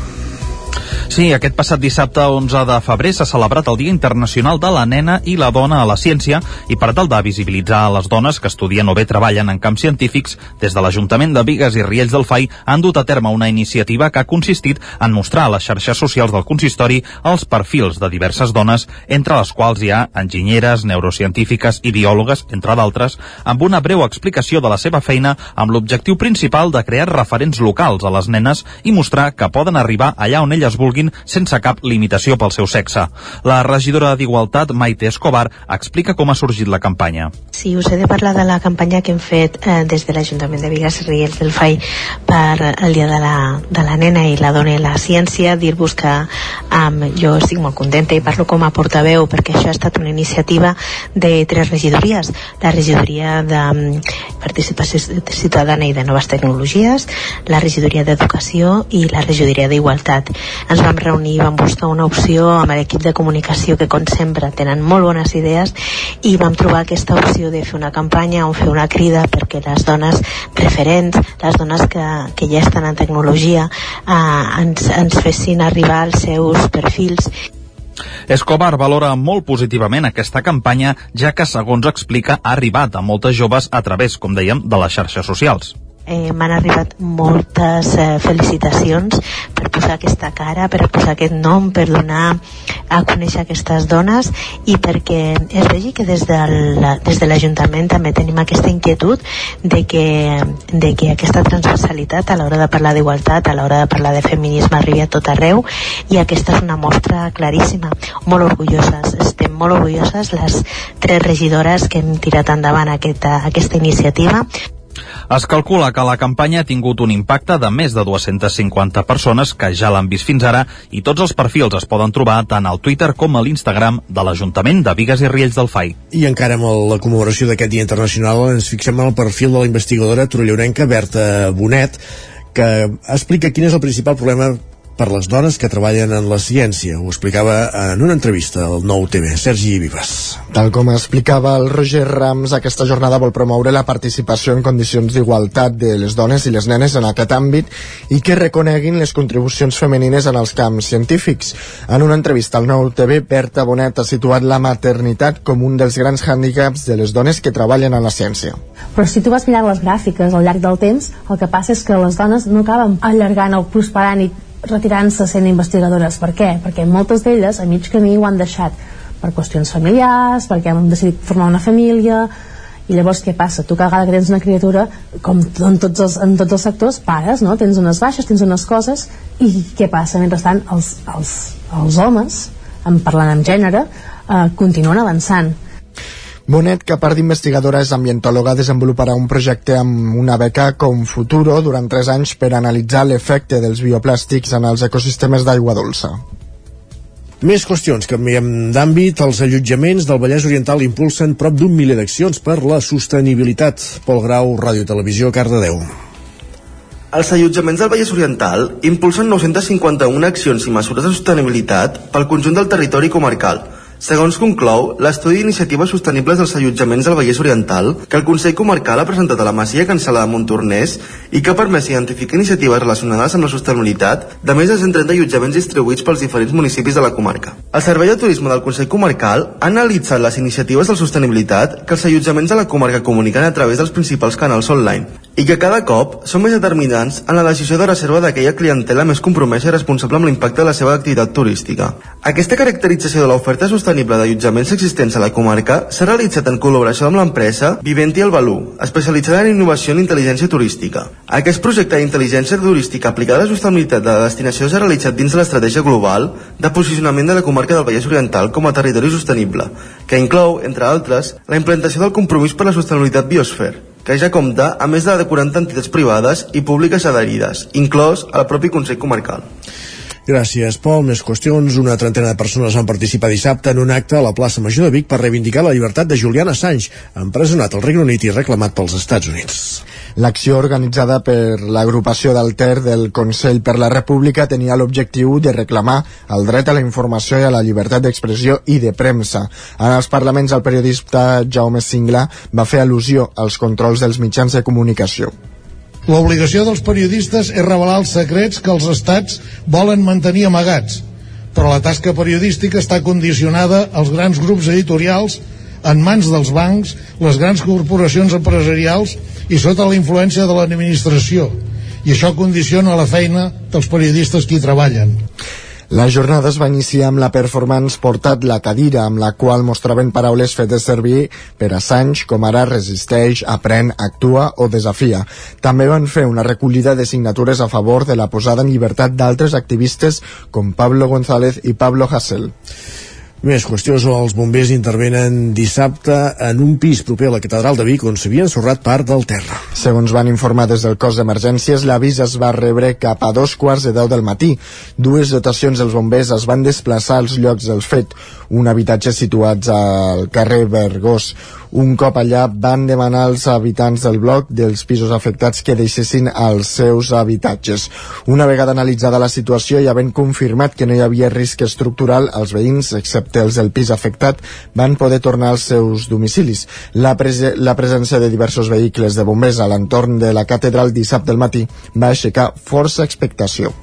S'inaugura la nova biblioteca de Sant Joan de les Abadesses i l'Ajuntament ja pensa en ampliar-la. Isaac Muntades, la veu de Sant Joan. Aquest dilluns va obrir portes la nova biblioteca Josep Picola de Sant Joan de les Abadeses després que dissabte al migdia s'inaugurés de manera oficial. L'edifici Duran i Reinals, que fins al curs 2018-2019 acollia les classes d'ESO de l'Institut Mestre Andreu, ja té un nou ús. La biblioteca passa de tenir menys de 65 metres quadrats a créixer fins als 325, tot i que l'alcalde Ramon Roquer en el seu Parlament ja pensa en ampliar-la. Des de la seva inauguració, el 5 de febrer del 2000, la biblioteca estava integrada al mapa de lectura pública de Catalunya, tot i considerar-se un equipament no adequat. L'any 2014, la biblioteca no complia cap dels estàndards exigits a un equipament bibliotecari per un municipi d'uns 3.250 habitants com és el nostre. Per això, el pla funcional aprovat pel ple de l'Ajuntament de Sant Joan de les Abadeses l'any 2014, d'acord amb el que especifica el mapa de lectura pública de la Generalitat de Catalunya, va establir en 530 metres quadrats els necessaris per la nova biblioteca. Després d'aquesta primera fase en vindran dues més que consistiran en ampliar-la a l'edifici del costat, que ja és municipal, i el de les Badrunes, que encara s'ha d'adquirir i on ja s'imparteixen extraescolars. Roquer va recordar que actualment la biblioteca obre unes 30 hores a la setmana per les 24 que obria el 2014, que el fons de documents ha passat de 5.181 a 8.406, que es van realitzar 4.152 operacions de préstec en els primers 11 mesos del 2022, que suposa un 20% més que l'any anterior, que es fan moltes més activitats que abans, com el Club de Lectura Infantil o d'adults, i que l'espai ha tingut un cost de vora els 300.000 euros, dels quals l'Ajuntament n'ha finançat el 36%, el Departament de Cultura el 32%, la Diputació un 20% i l'Institut Català d'Energia l'11% restant.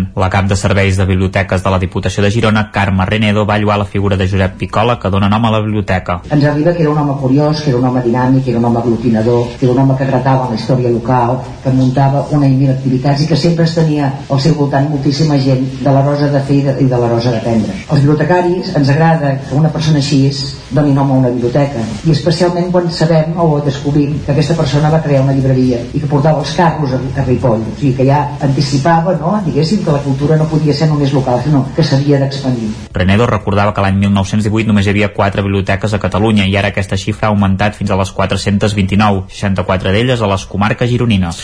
Gràcies, Isaac. Acabem aquí aquest repàs informatiu que començàvem al punt dels 10 i algun minut en companyia d'Isaac Muntades, Roger Rams, Pol Grau i Sergi Vives. Moment al territori 17 de parlar també ara amb Pep Acosta.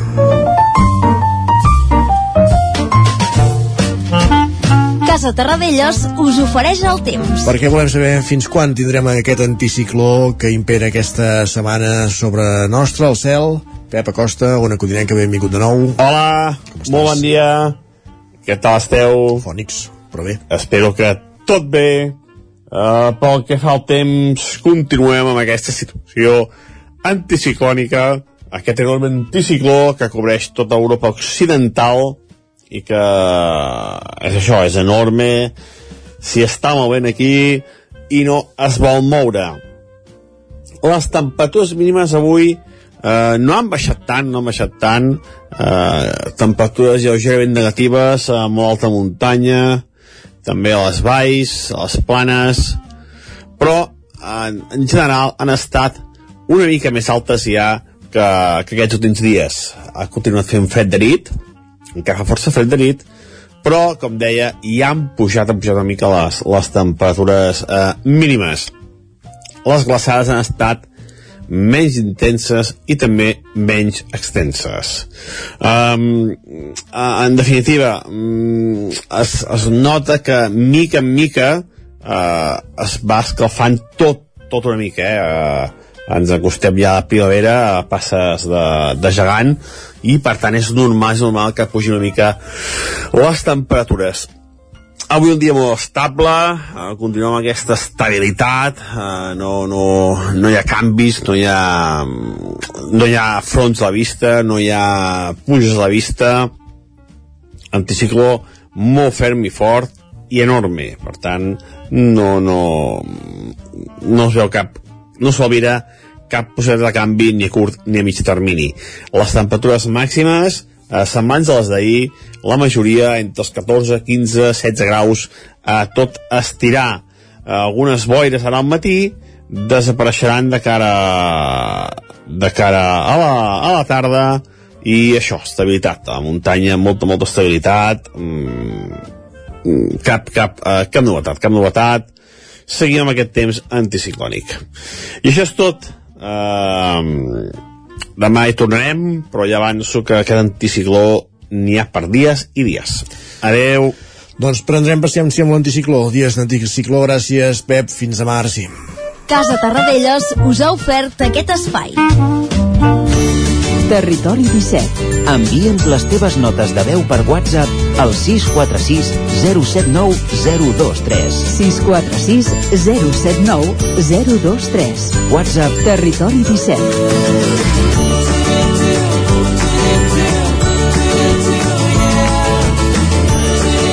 Territori 17. Som a Facebook, Twitter i Instagram amb l'usuari Territori 17.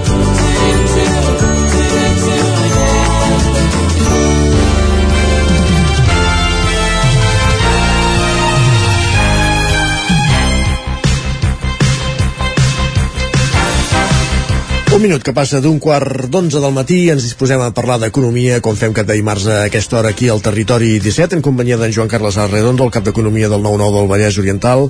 Avui, Joan Carles, benvingut, bon dia. Ens parles de pizzas. Bon dia. De pizza, sí. De... Resulta que mm, l'Eurostat, sí. l'Eurostat és l'oficina d'estadística europea, eh? el nostre IDESCAT o, o, o també el, el, ara me recordo com es diu el de l'espanyol, ostres, l'INE, això, eh? Doncs... Sí, l'INE, sí. Ah, exactament. El, doncs això, eh, l'Oficina d'Estadística Europea eh, ha convertit la pizza mm, en alguna cosa més que una elecció gastronòmica. Un referent laboral. de valors, diguéssim. No? Ara, ara també és un indicador econòmic. Eh? Exacte.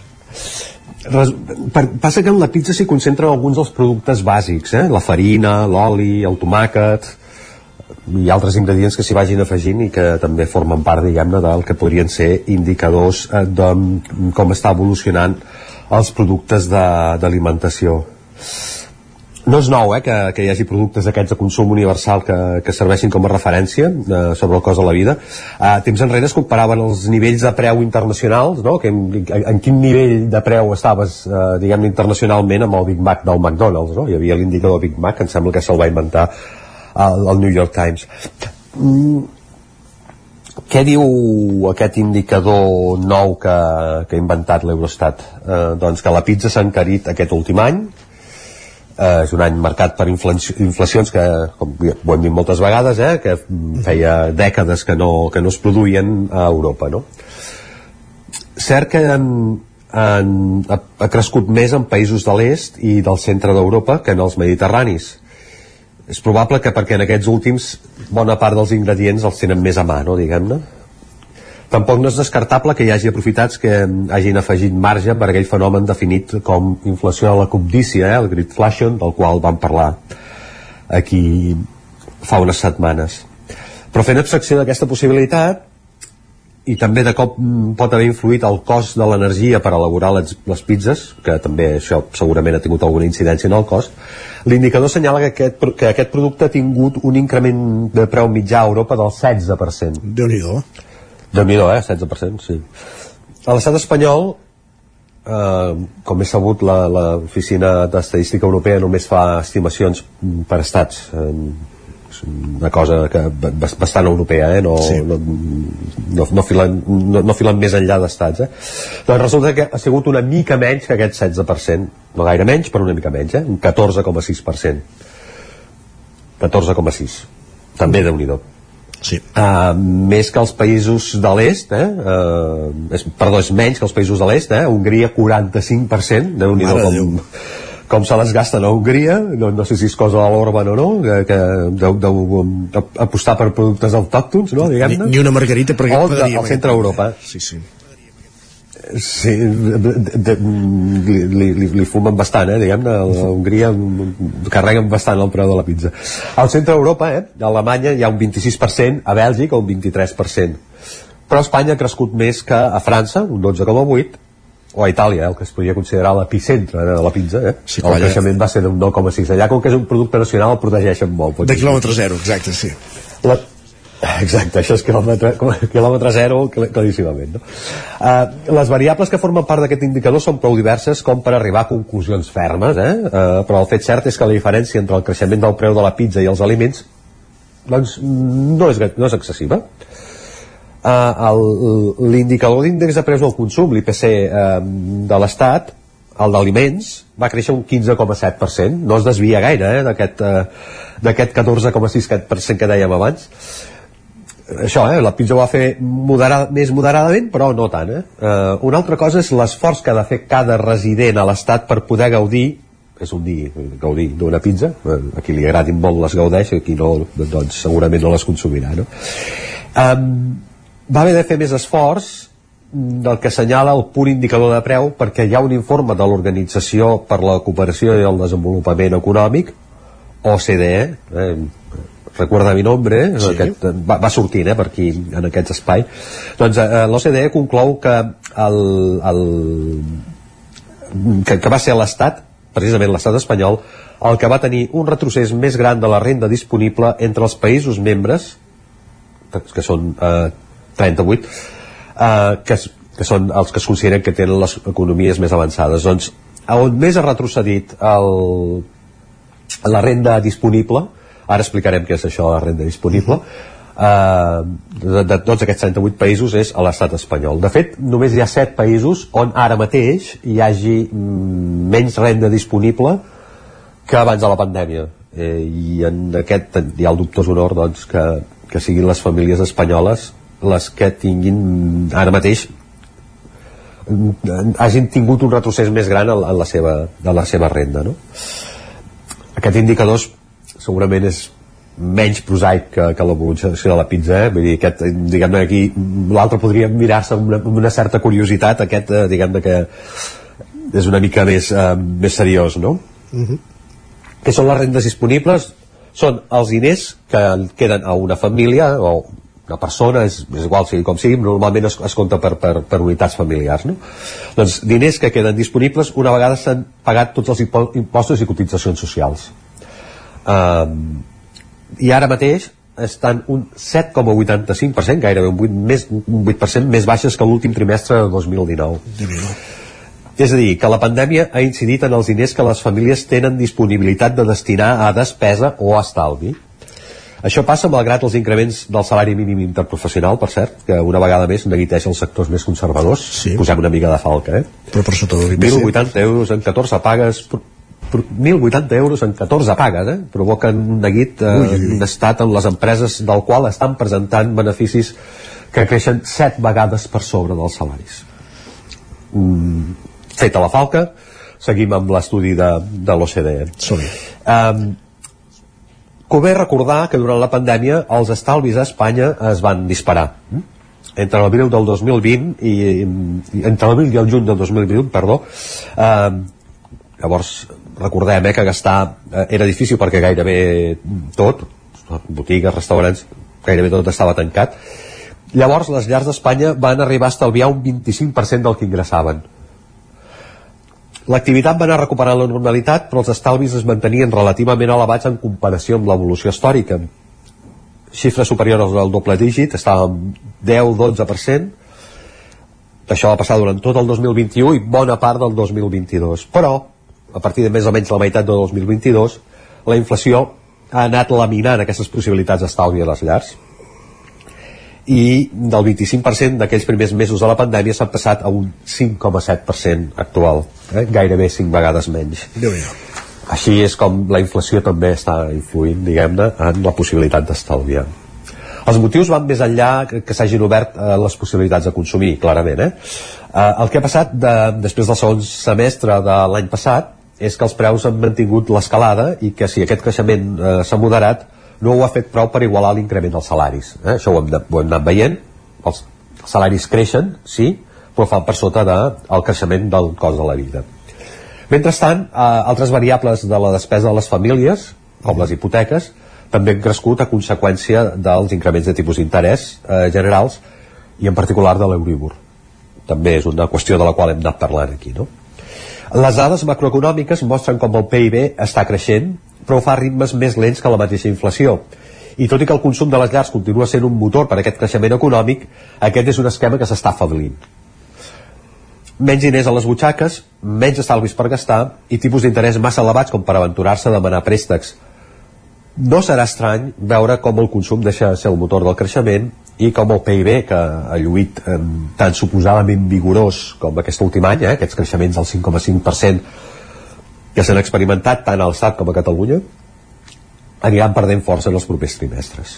Les previsions encara apunten que hi haurà creixement del PIB, però algunes de les més optimistes no, no, no ho posen més enllà d'un 1 i mig eh? Uh -huh. uh, i això és perquè entre d'altres motius perquè les possibilitats del consum uh, s'estan limitant no? sí. els, in els ingressos de les famílies espanyoles encara estan per sota dels temps de la pandèmia això ho hem vist amb l'estudi de, de l'OCDE i en canvi els preus segueixen pujant com també els interessos de les hipoteques i altres crèdits per tant es pot concloure que pot ser que la pizza hagi pujat menys que d'altres països europeus però que als espanyols es costa més consumir-ne perquè tenen menys diners a les butxaques probablement és... per això tampoc ha pujat tant uh -huh. és una conclusió lògica sens dubte a partir de tot el que ens has, has explicat ets molt de pizza tu o no Joan Carles? Vaig fent. Vas fent. No, no, no, no moltíssim. El, el que es compta és la, la pizza envasada, eh? Això, diguem-ne que si parlem de quilòmetre zero, eh, aquí a Osona ho teniu sí, ho teniu exacte. bé perquè això sigui quilòmetre zero perquè el que, el que miren és el preu de la pizza envasada eh? aquesta que compres al supermercat no la, la que compres en el... no la pizzeria diguéssim no la que compres en el restaurant eh? sí, perquè aquí és on allò que dèiem que que carreguen algun marge eh, diguem-ne pas, passa més fins i tot que amb l'envasada doncs i aquí també hi carreguem l'envasa, està clar uh, moltíssimes gràcies Joan Carles gràcies a vosaltres, bon, bon dia. dia doncs hem parlat de pizzas avui a la secció d'Economia per posar-nos al dia de, de la situació econòmica de l'estat espanyol a partir d'aquest estudi de l'Eurostat. Amb això arribem a la pausa, 3 minuts i tornem amb la resta de continguts previstos per avui. Primer de tot, les privades i després el territori dona. Avui parlant de dones i ràdio, amb la Maria López, la Natàlia Peix i el Vira Altés. Fins ara mateix. El nou FM, la ràdio de casa, al 92.8. Piscines en export. Disseny, garantia, qualitat excavacions en export, excavacions i moviments de terres, enderrocs i murs de pedra natural. Piscines i excavacions en export. Som a l'Atmella del Vallès. Telèfon 93 843 2577. Més informació a anexport.es. Ja tens la teva disfressa? Carnestoltes a Manli. Vine i demana'ns la disfressa que vulguis. Trobaràs un món de fantasia en disfresses i complements per al Carnestoltes. Hi ha uns preus especials. Som al carrer Ramon Soler, número de Vic, i també ens trobareu a manli.cat. Fem de la festa una bogeria. Una bogeria. Al forn de pa i pastisseria Glina hi trobareu una gran varietat de pans de producció pròpia amb farina de blat i de molts altres tipus, tots elaborats al nostre obrador. També us oferim tortells, braços de gitano, coques, brioixeria i pastes seques i pastissos personalitzats. I ara també ens trobareu al Mercat Municipal de Torelló. Forn de Pa i Pastisseria Glina, carrer Major número 9 de Sant Vicenç de Torelló i Mercat Municipal de Torelló. Les biblioteques municipals també som més que un club. Amb més de 2 milions d'usuaris, som el club amb més carnets. A la xarxa de biblioteques municipals de la província de Barcelona compartim lectures, cultura i coneixements. Només hi faltes tu. Visita bibliotecavirtual.diva.cat. Fes-te el carnet i gaudeix de tots els seus avantatges. Diputació de Barcelona. Bon dia, us truco del servei tècnic oficial de Bailand. Hem detectat que la pressió de la seva caldera està baixant. No me n'havia adonat. Com es pot solucionar? Ho resoldrem en uns minuts. No espereu més. Amb el servei de manteniment ServiPlus Connect de Bailand, preocupeu-vos del que realment importa. Nosaltres ens encarreguem de la vostra caldera. Informeu-vos a connectivitat.bailand.es. Cocodril Club. Si t'agrada la bona música dels anys 60, 70 i 80, escolta el 9 FM als matins de dissabtes i diumenges d'11 a 1. És el temps del Cocodril Club, tot un clàssic de la ràdio, amb les bases del pop-rock, les llegendes, les cançons que s'han convertit en autèntics himnes. Recorda, dissabtes i diumenges al matí, d'11 a 1, al 9 FM 92.8. Cocodril Club, el programa revival de l'Albert Malla. Hasta luego, cocodrilo. Anuncia't al 9FM. La màquina de casa. 9 3 8 8 9 4 9 4 9. Publicitat arroba al 9FM.cat. Anuncia't al 9FM. La publicitat més eficaç. El 9 FM, la ràdio de casa, al 92.8.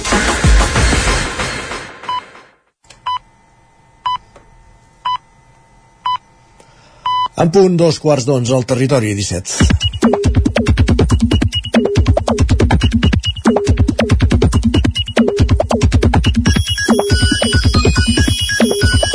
I a dos quarts d'onze cada dia és moment de saludar en Guillem Sánchez, aquí ja veiem assegut als estudis del 9FM. Guillem, benvingut, bon dia. Què tal, com estem? Què has trobat a Twitter? Mira, avui hem trobat molt Sant Valentí, molt amor, molta Oi, gent que està enamorada i molta gent que ho vol estar també. Mare de Per tant, des d'aquí fem crida també que la gent consulti les xarxes a veure si, si podem trobar l'amor avui. Va.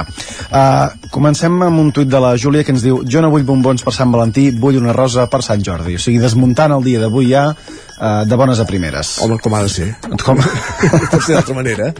L'Àngela per això també és molt directe. Ens escriu, per molt que celebri Sant Jordi en comptes de Sant Valentí, sense parella no es pot celebrar res. També és una altra gran evidència. Home, el dia de. Sant Jordi pots anar a comprar un llibre perfectament o una rosa o el que et vingui de gust. Eh? Ostres, però amb una persona al costat sempre queda una Ah, mica sí, millor, no? Però, però no està de més mai comprar un llibre, home. Va, i és que tenir no parella en un dia com avui determina molt el que faràs o no un 14 de febrer. Llegim a la Núvia, que ens diu No sé què fareu vosaltres per Sant Valentí. Diu, però jo, esquena i bíceps perquè és dimarts. El que toqui, com cada dimarts, exacte. Entenem que refereix al gimnàs, eh? Sí, Entenem, eh? Sí. Va, si voleu saber si la persona amb qui heu compartit algun moment o alguna situació és la persona indicada i és la persona perfecta, Isaac, atenció amb el formulari que s'ha d'omplir. En Pep Antoni ens ho diu. Si vas a casa seva i veus un fuet del bon preu penjat a la cuina, mitja obra completa de Josep Pla als prestatges del passadís, una rajola de la Moreneta amb el Déu vos guard al rebedor i TV3, el canal número 1 de la tele, no ho dubtis, casa-t'hi.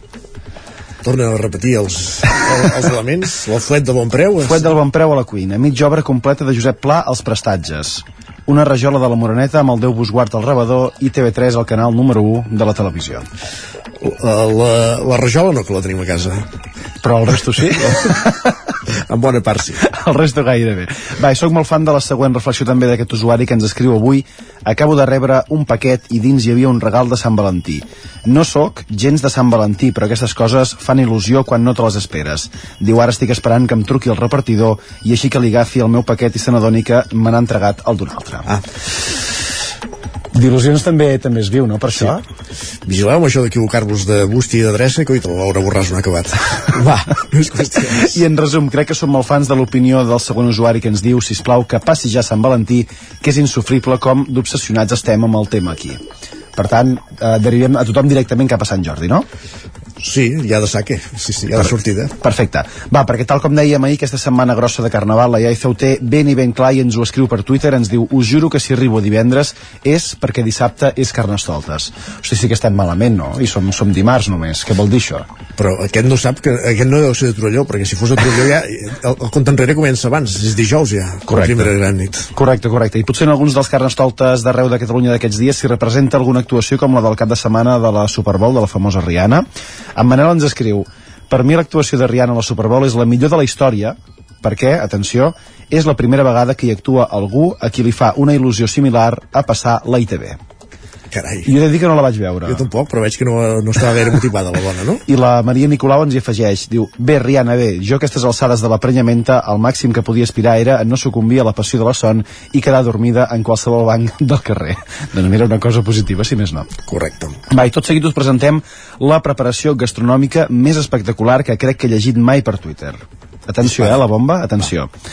Acabo de veure una recepta de galetes Oreo, atenció, eh, galetes Oreo, embolicades amb bacon al forn. I ara mateix estic plorant greixos saturats i colesterol de l'horror que he sentit en veure-la. Ai, però quina combinació més resistent. Galetes Oreo amb bacon i a sobre.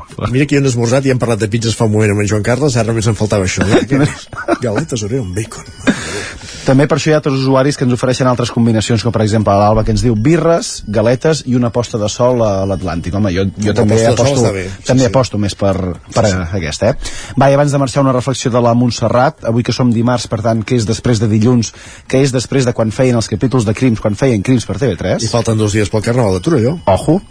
La Montserrat ens escriu em penso que estic empatxada de crims. He pujat a l'ascensor amb un paio i m'he- i m'he imaginat que girava i em cosia a ganivetades. Carai. Doncs vinga, visca les paranoies, i visca Carnaval, i visca la Setmana Gran, i visca l'amor. I visca en Guillem Sánchez, va. Visca, va, Fins sempre. demà. Vinga, que vagi bé. Territori 17 El 9 FM, la veu de Sant Joan, Ona Codinenca, Ràdio Cardedeu, Territori 17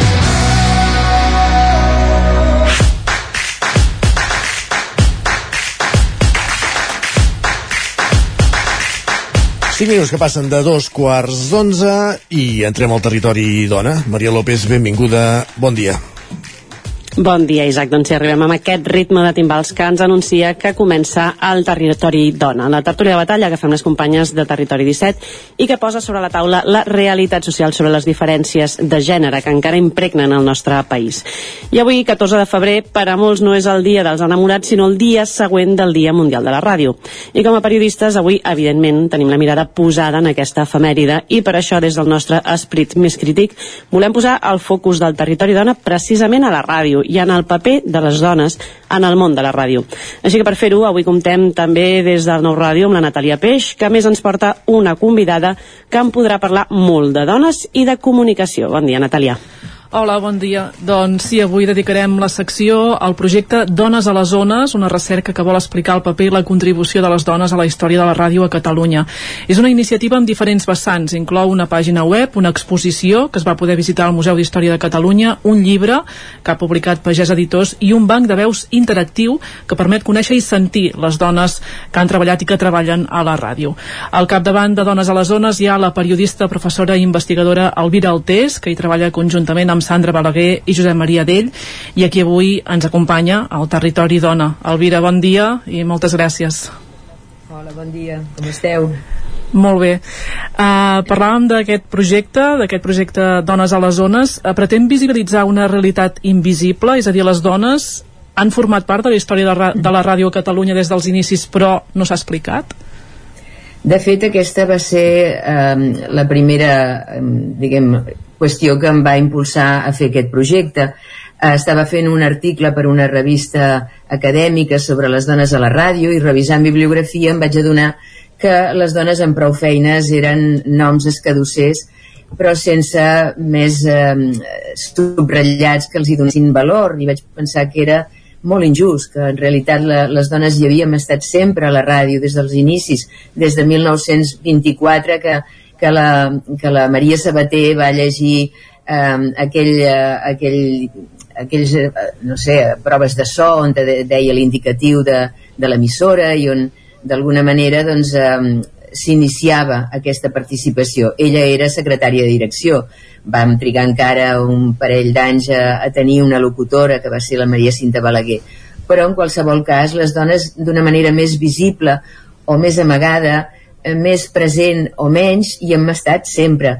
I mm, això és el que em vaig proposar, vaig dir, doncs, eh, vaig a investigar, vaig a fer eh, ressorgir, a recuperar noms, eh, projectes, eh, itineraris, eh, professionals de dones que han estat a la ràdio i així es va néixer aquest llibre del qual vosaltres parlàveu que és Dones a les zones que és eh, jo en dic que és un reportatge històric on intento explicar per una banda la història de Catalunya la història de la ràdio i com les dones s'hi van anar inserint en aquesta història. Entenc que la feina de recuperació d'aquests noms i trajectòries, eh, el llibre eh, s'hi citen més de 450 dones, eh, ha estat i està sent de formigueta, tenint en compte això, que, que no hi ha eh, estudis eh, precedents que, que hagin fet aquesta tasca. Clar, ens van proposar, com tu has explicat molt bé al principi, doncs eh, diverses vessants. Una va ser l'exposició, l'altra, a partir del treball de l'exposició, doncs eh, també escriure aquest llibre.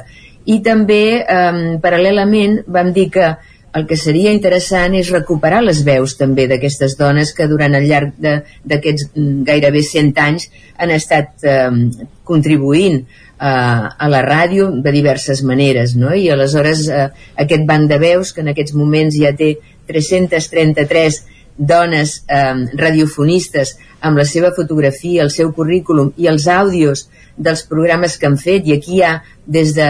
tenim dos àudios dels anys 30, per exemple, i cosa realment eh, curiosa i difícil d'aconseguir, pocs dels anys 40, però sí hi ha una mica més dels 50, dels 60, i um, intentem això, um, donar la possibilitat a qui vulgui entrar al, al, al web que tenim ara doncs, uh, i en el banc de veus anar escoltant aquestes diferents tonalitats que cada època ens ha portat i sobretot adonar-se de que les dones hem fet tota mena de temes, d'especialitats periodístiques, no? hem fet informació però també esports, ciència, um, literatura, moda, qualsevol, fins i tot uh, doncs, uh, meteorologia, hem fet de tota mena de, de temes. I, i aquí està doncs, uh, un vídeo que vam publicar doncs, el, el, amb el motiu del Dia Mundial de la Ràdio on es poden sentir aquestes 333 veus de dones que van, eh, diguem, en, en breus segons, donant constància, donant fe de la seva participació. Mm, fins a, fins a l'actualitat perquè doncs, per exemple us convido tant a, a la Natàlia com a Pilar no? has dit que... la Maria Maria la Maria, la Maria doncs que, que sisplau um, envieu-nos el vostre material la vostra fotografia, el vostre currículum i, i ens agradarà molt que formeu part del, del banc de veus doncs ho, ho farem, oi Maria? Haurem de fer, sí, sí, crec que ens, ens posarem d'acord les, les dones del, del territori 17 i farem així una, una enviada comuna per deixar també la nostra petjada en aquesta, en aquesta web que l'he estat tafanejant i m'ha semblat superinteressant i, i un homenatge en realitat també d'alguna manera preciosa a, a grans històriques de la ràdio. I tant, sí, sí. Aquest any, per exemple, se celebra el centenari de l'Amanda Camps i ens va semblar que era una dona que havia treballat a Ràdio Barcelona on va fer doncs, d'actriu, va fer de guionista després ella va fer de periodista va anar a Ràdio 4 quan va començar les emissions en català i feia un programa que es deia Catalunya a l'abast també va fer un programa a la televisió. I ara ho preguntes i ningú sap qui és l'Amanda Camps. I, i nosaltres doncs, eh, en aquest web del que, del que parlaves ara Maria doncs, hi hem posat eh, un podcast petit, però un podcast com a testimoni, no? I també vam fer un podcast de l'any passat que la Maria Matilde Almendros feia 100 anys del seu naixement. Eh, en fi, intentem, doncs, eh, en la mesura de les nostres possibilitats, que doncs, no, no són gaires, doncs anar deixant constància d'aquesta participació, d'aquesta presència i també de tota aquesta part tan bonica i evocadora que té la ràdio.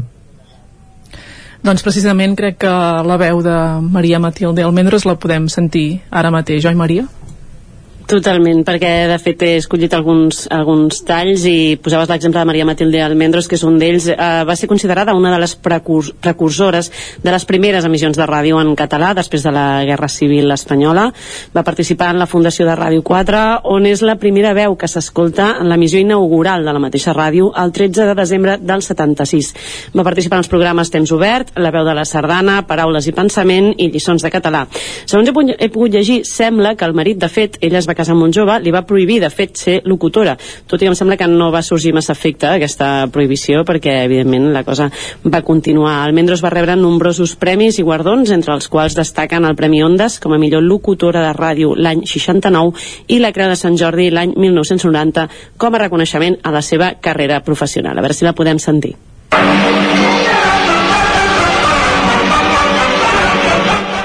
De España para los españoles. Un servicio de Radio Nacional de España en Barcelona dirigido a cuantos españoles nos sintonicen lejos de sus hogares. Música, cartas y mensajes de todos para todos. Empezamos hoy con una solicitud de Juan y Julián Martínez que escriben desde Múnich. Aquest va ser un espai, un programa de Ràdio Nacional d'Espanya a Barcelona, diari, que va durar 13 anys i mig. Dirigit, com sabeu perfectament, als emigrants sobretot, però en general als espanyols que ens escoltaven des de fora del territori de l'estat espanyol.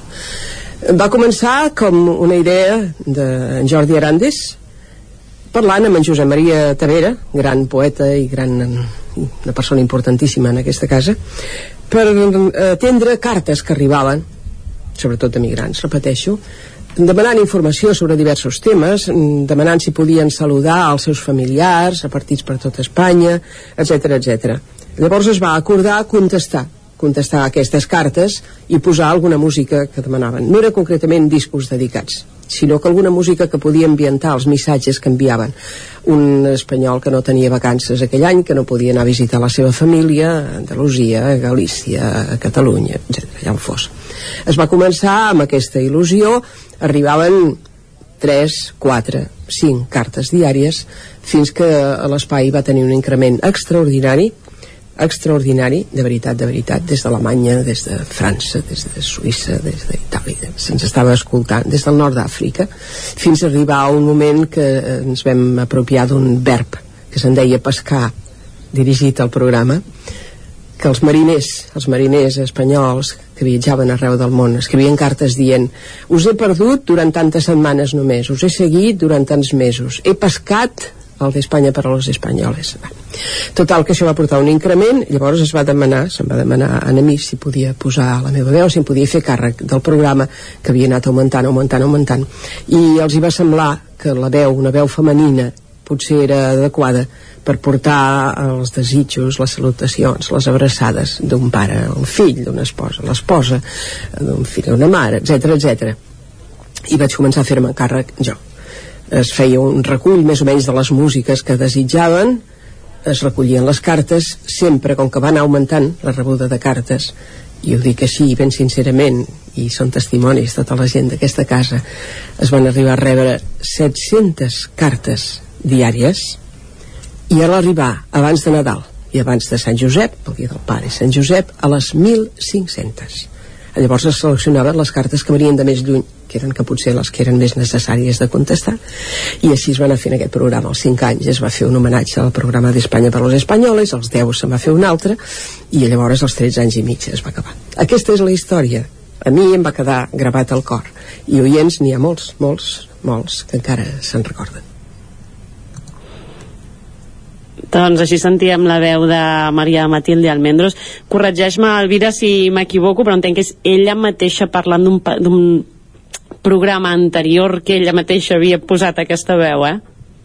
Sí, sí, sí, ella explica com es va començar a, a convertir en un fenomen, que és el que va arribar sent a Espanya per a los espanyoles, i com doncs, eh, li van proposar amb ella que, que el dirigís, una cosa que el dirigís i el presentés, una cosa gens freqüent a aquella època perquè doncs, que una dona dirigís un programa en els moments aquests de, de la ràdio encara franquista on les dones eren purament el suport on el locutor deia que hora és nena i la nena deia l'hora i l'indicatiu i la nena podia tenir 40 anys i molta més experiència que el pollo que li preguntava no? però eh, explica i, i fa gràcia sentir no? Mm, sona una mica com la ràdio d'aquell temps, la ràdio on el disco solicitado eh, doncs tenia un espai on normalment les dones eren les que el presentaven i, i ens, adon, ens adonem de com també hem anat avançant i hem anat canviant com a, com a mm, dones protagonistes al front dels programes eh? I en aquest sentit hi ha diferència entre les ràdios generalistes i les ràdios locals? És a dir, el paper de la dona a la ràdio local ha sigut eh, més preeminent que, que en les ràdios més grans? Per exemple, hi ha una diferència mm, que cada vegada es desdibuixa una mica més, però eh, es va donar molt al principi de les ràdios eh, municipals, de les ràdios locals, que és que, com que eh, acostumava a, a fer la primera plantilla a base de voluntarisme, a base de, de moltes ganes de, de fer coses, doncs eh, eren normalment dones les que s'apuntaven en aquestes ràdios primerenques, i naturalment quan la cosa es formalitzava una mica més doncs elles quedaven com a directores i per tant sí que hi va haver bastants anys en què les dones eh, directores estaven en les ràdios locals i les ràdios municipals mentre que encara ara està costant molt i moltíssim que les dones arribin als despatxos. Sí que estan presentant programes als matins, que també ha costat moltíssim, eh, i tenen, diguem, una, una presència molt més eh, important, però en els despatxos, en les ràdios, diguem, generalistes, eh,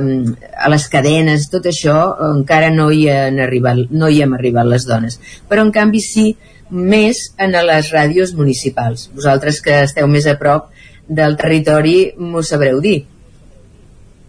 De fet, unes coses que hem comentat diverses vegades aquí és precisament els càrrecs de, de direcció, que és on, on més evident es fa que hi ha molt poques directores de, de mitjans locals, tant de ràdio com de televisió, i es nota en qualsevol reunió. Una de les coses que sí que m'ha cridat l'atenció, parlant en terme més local, és això, no? quan anava mirant en la web les, les biografies, eh, eh, aquests inicis, no? Vull dir, eh, de, de grans veus que totes, sí. pràcticament totes, han començat a mitjans locals, no? I això, doncs, també anaves veient la petjada, no? Aquesta Vilassar, aquesta, una de les altres grans veus que de fet he trobat uh, i és que és molt reconeguda i que també té els seus inicis a la, a la ràdio local és el cas de la Gemma Nierga, que si us sembla començarem, mm. escoltarem també una mica un tall seu.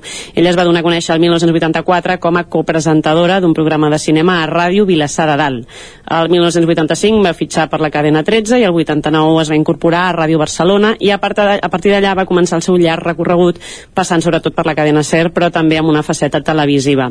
Podem dir que és una de les veus més representatives de la ràdio amb la veu en femení i de fet la Gemma Nierga va rebre el Premi Ondes a la seva trajectòria l'any 2007. Si us sembla, la sentim una mica també. Parlar per parlar Mai no he entès el perquè d'una persona que enraona molt o que enraona sense més ni més, que se li digui que parla per parlar. I mai no ho he entès perquè precisament a partir d'avui, cada dia, a les emissores Ser Catalunya ens dedicarem durant una hora a parlar no per res, sinó a parlar simplement per parlar.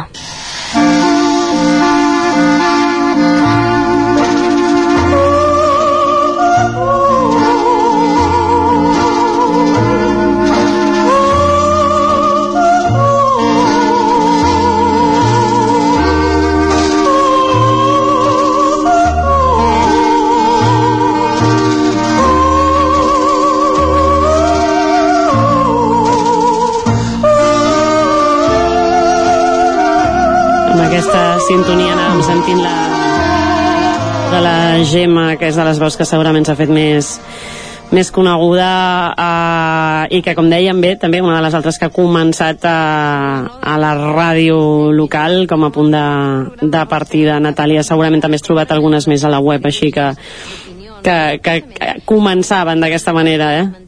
Sí, sí, sí, de fet, vaja, les ràdios locals són una pedrera en, en molts sentits, per tant, també per, per les dones periodistes i, vaja, uh, per nosaltres, Maria, també també ha estat així, no?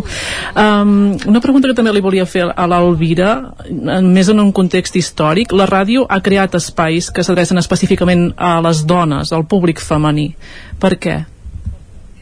Des del principi, fixa't que, com us deia, la ràdio comença el 14 de novembre de 1924, Ràdio Barcelona.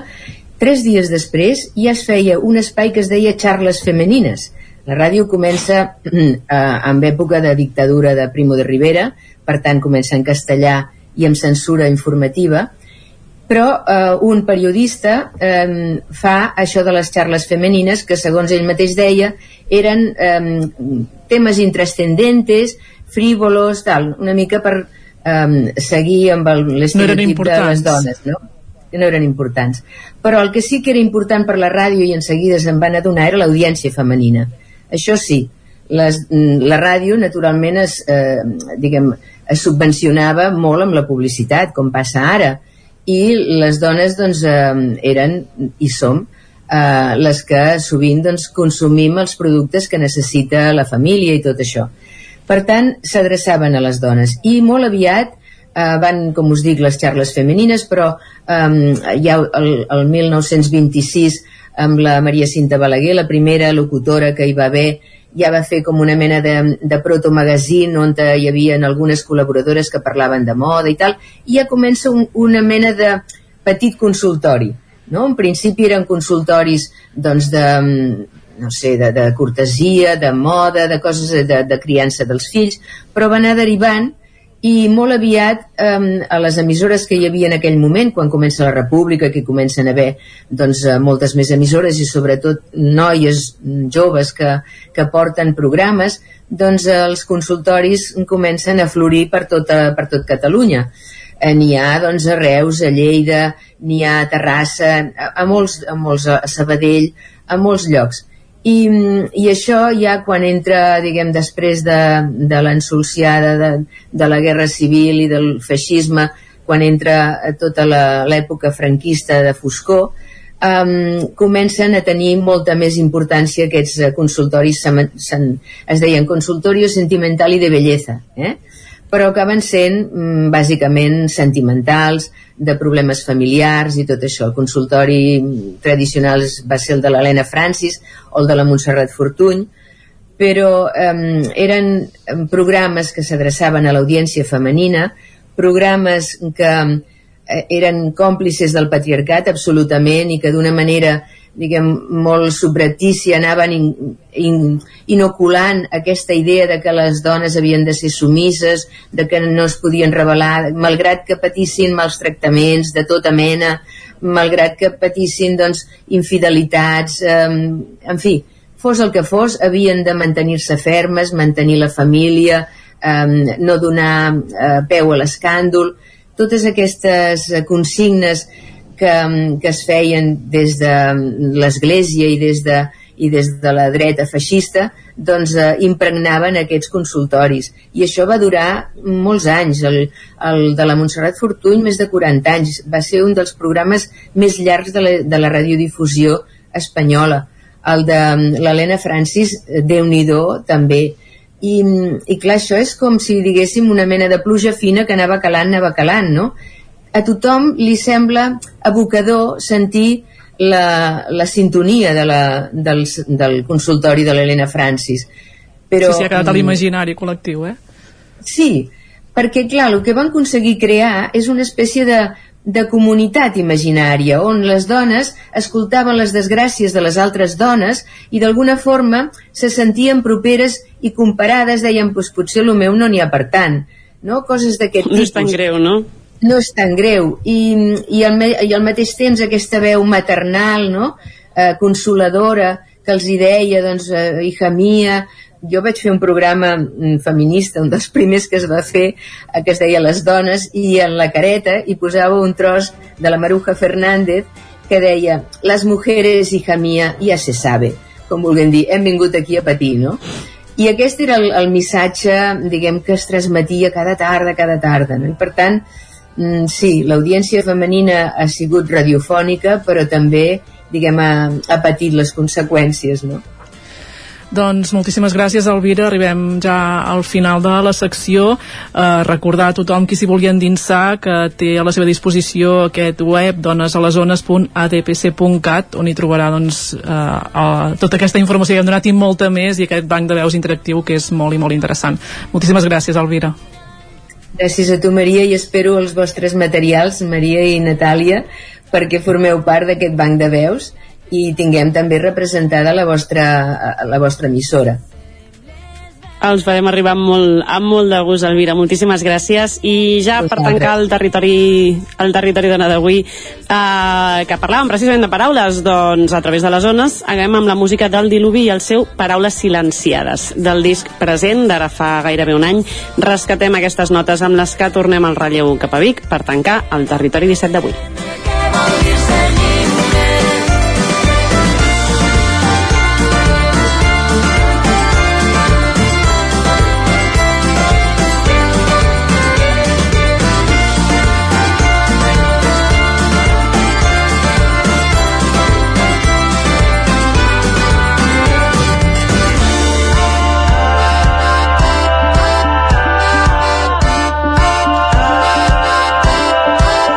Doncs amb les paraules silenciades acabem el territori 17 d'avui. Gràcies Natàlia, gràcies Maria per aquest testimoni d'excepció també en companyia de l'Alvira Altés. Acabem el territori 17 d'avui que començàvem a les 9 del matí. Us hem acompanyat des de les hores Roger Rams, Isaac Muntades, Pol Grau, Pepa Costa, Joan Carles Arredondo, Guillem Sánchez, Natàlia Peix, Maria López, Sergi Vives i Isaac Moreno. I tornarem demà a partir de la mateixa hora, a partir de les 9 aquí al territori 17.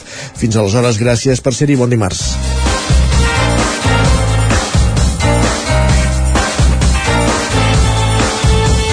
Territori 17, un magazín del nou FM. La veu de Sant Joan, Ona Codinenca i Ràdio Cardedeu amb el suport de la xarxa.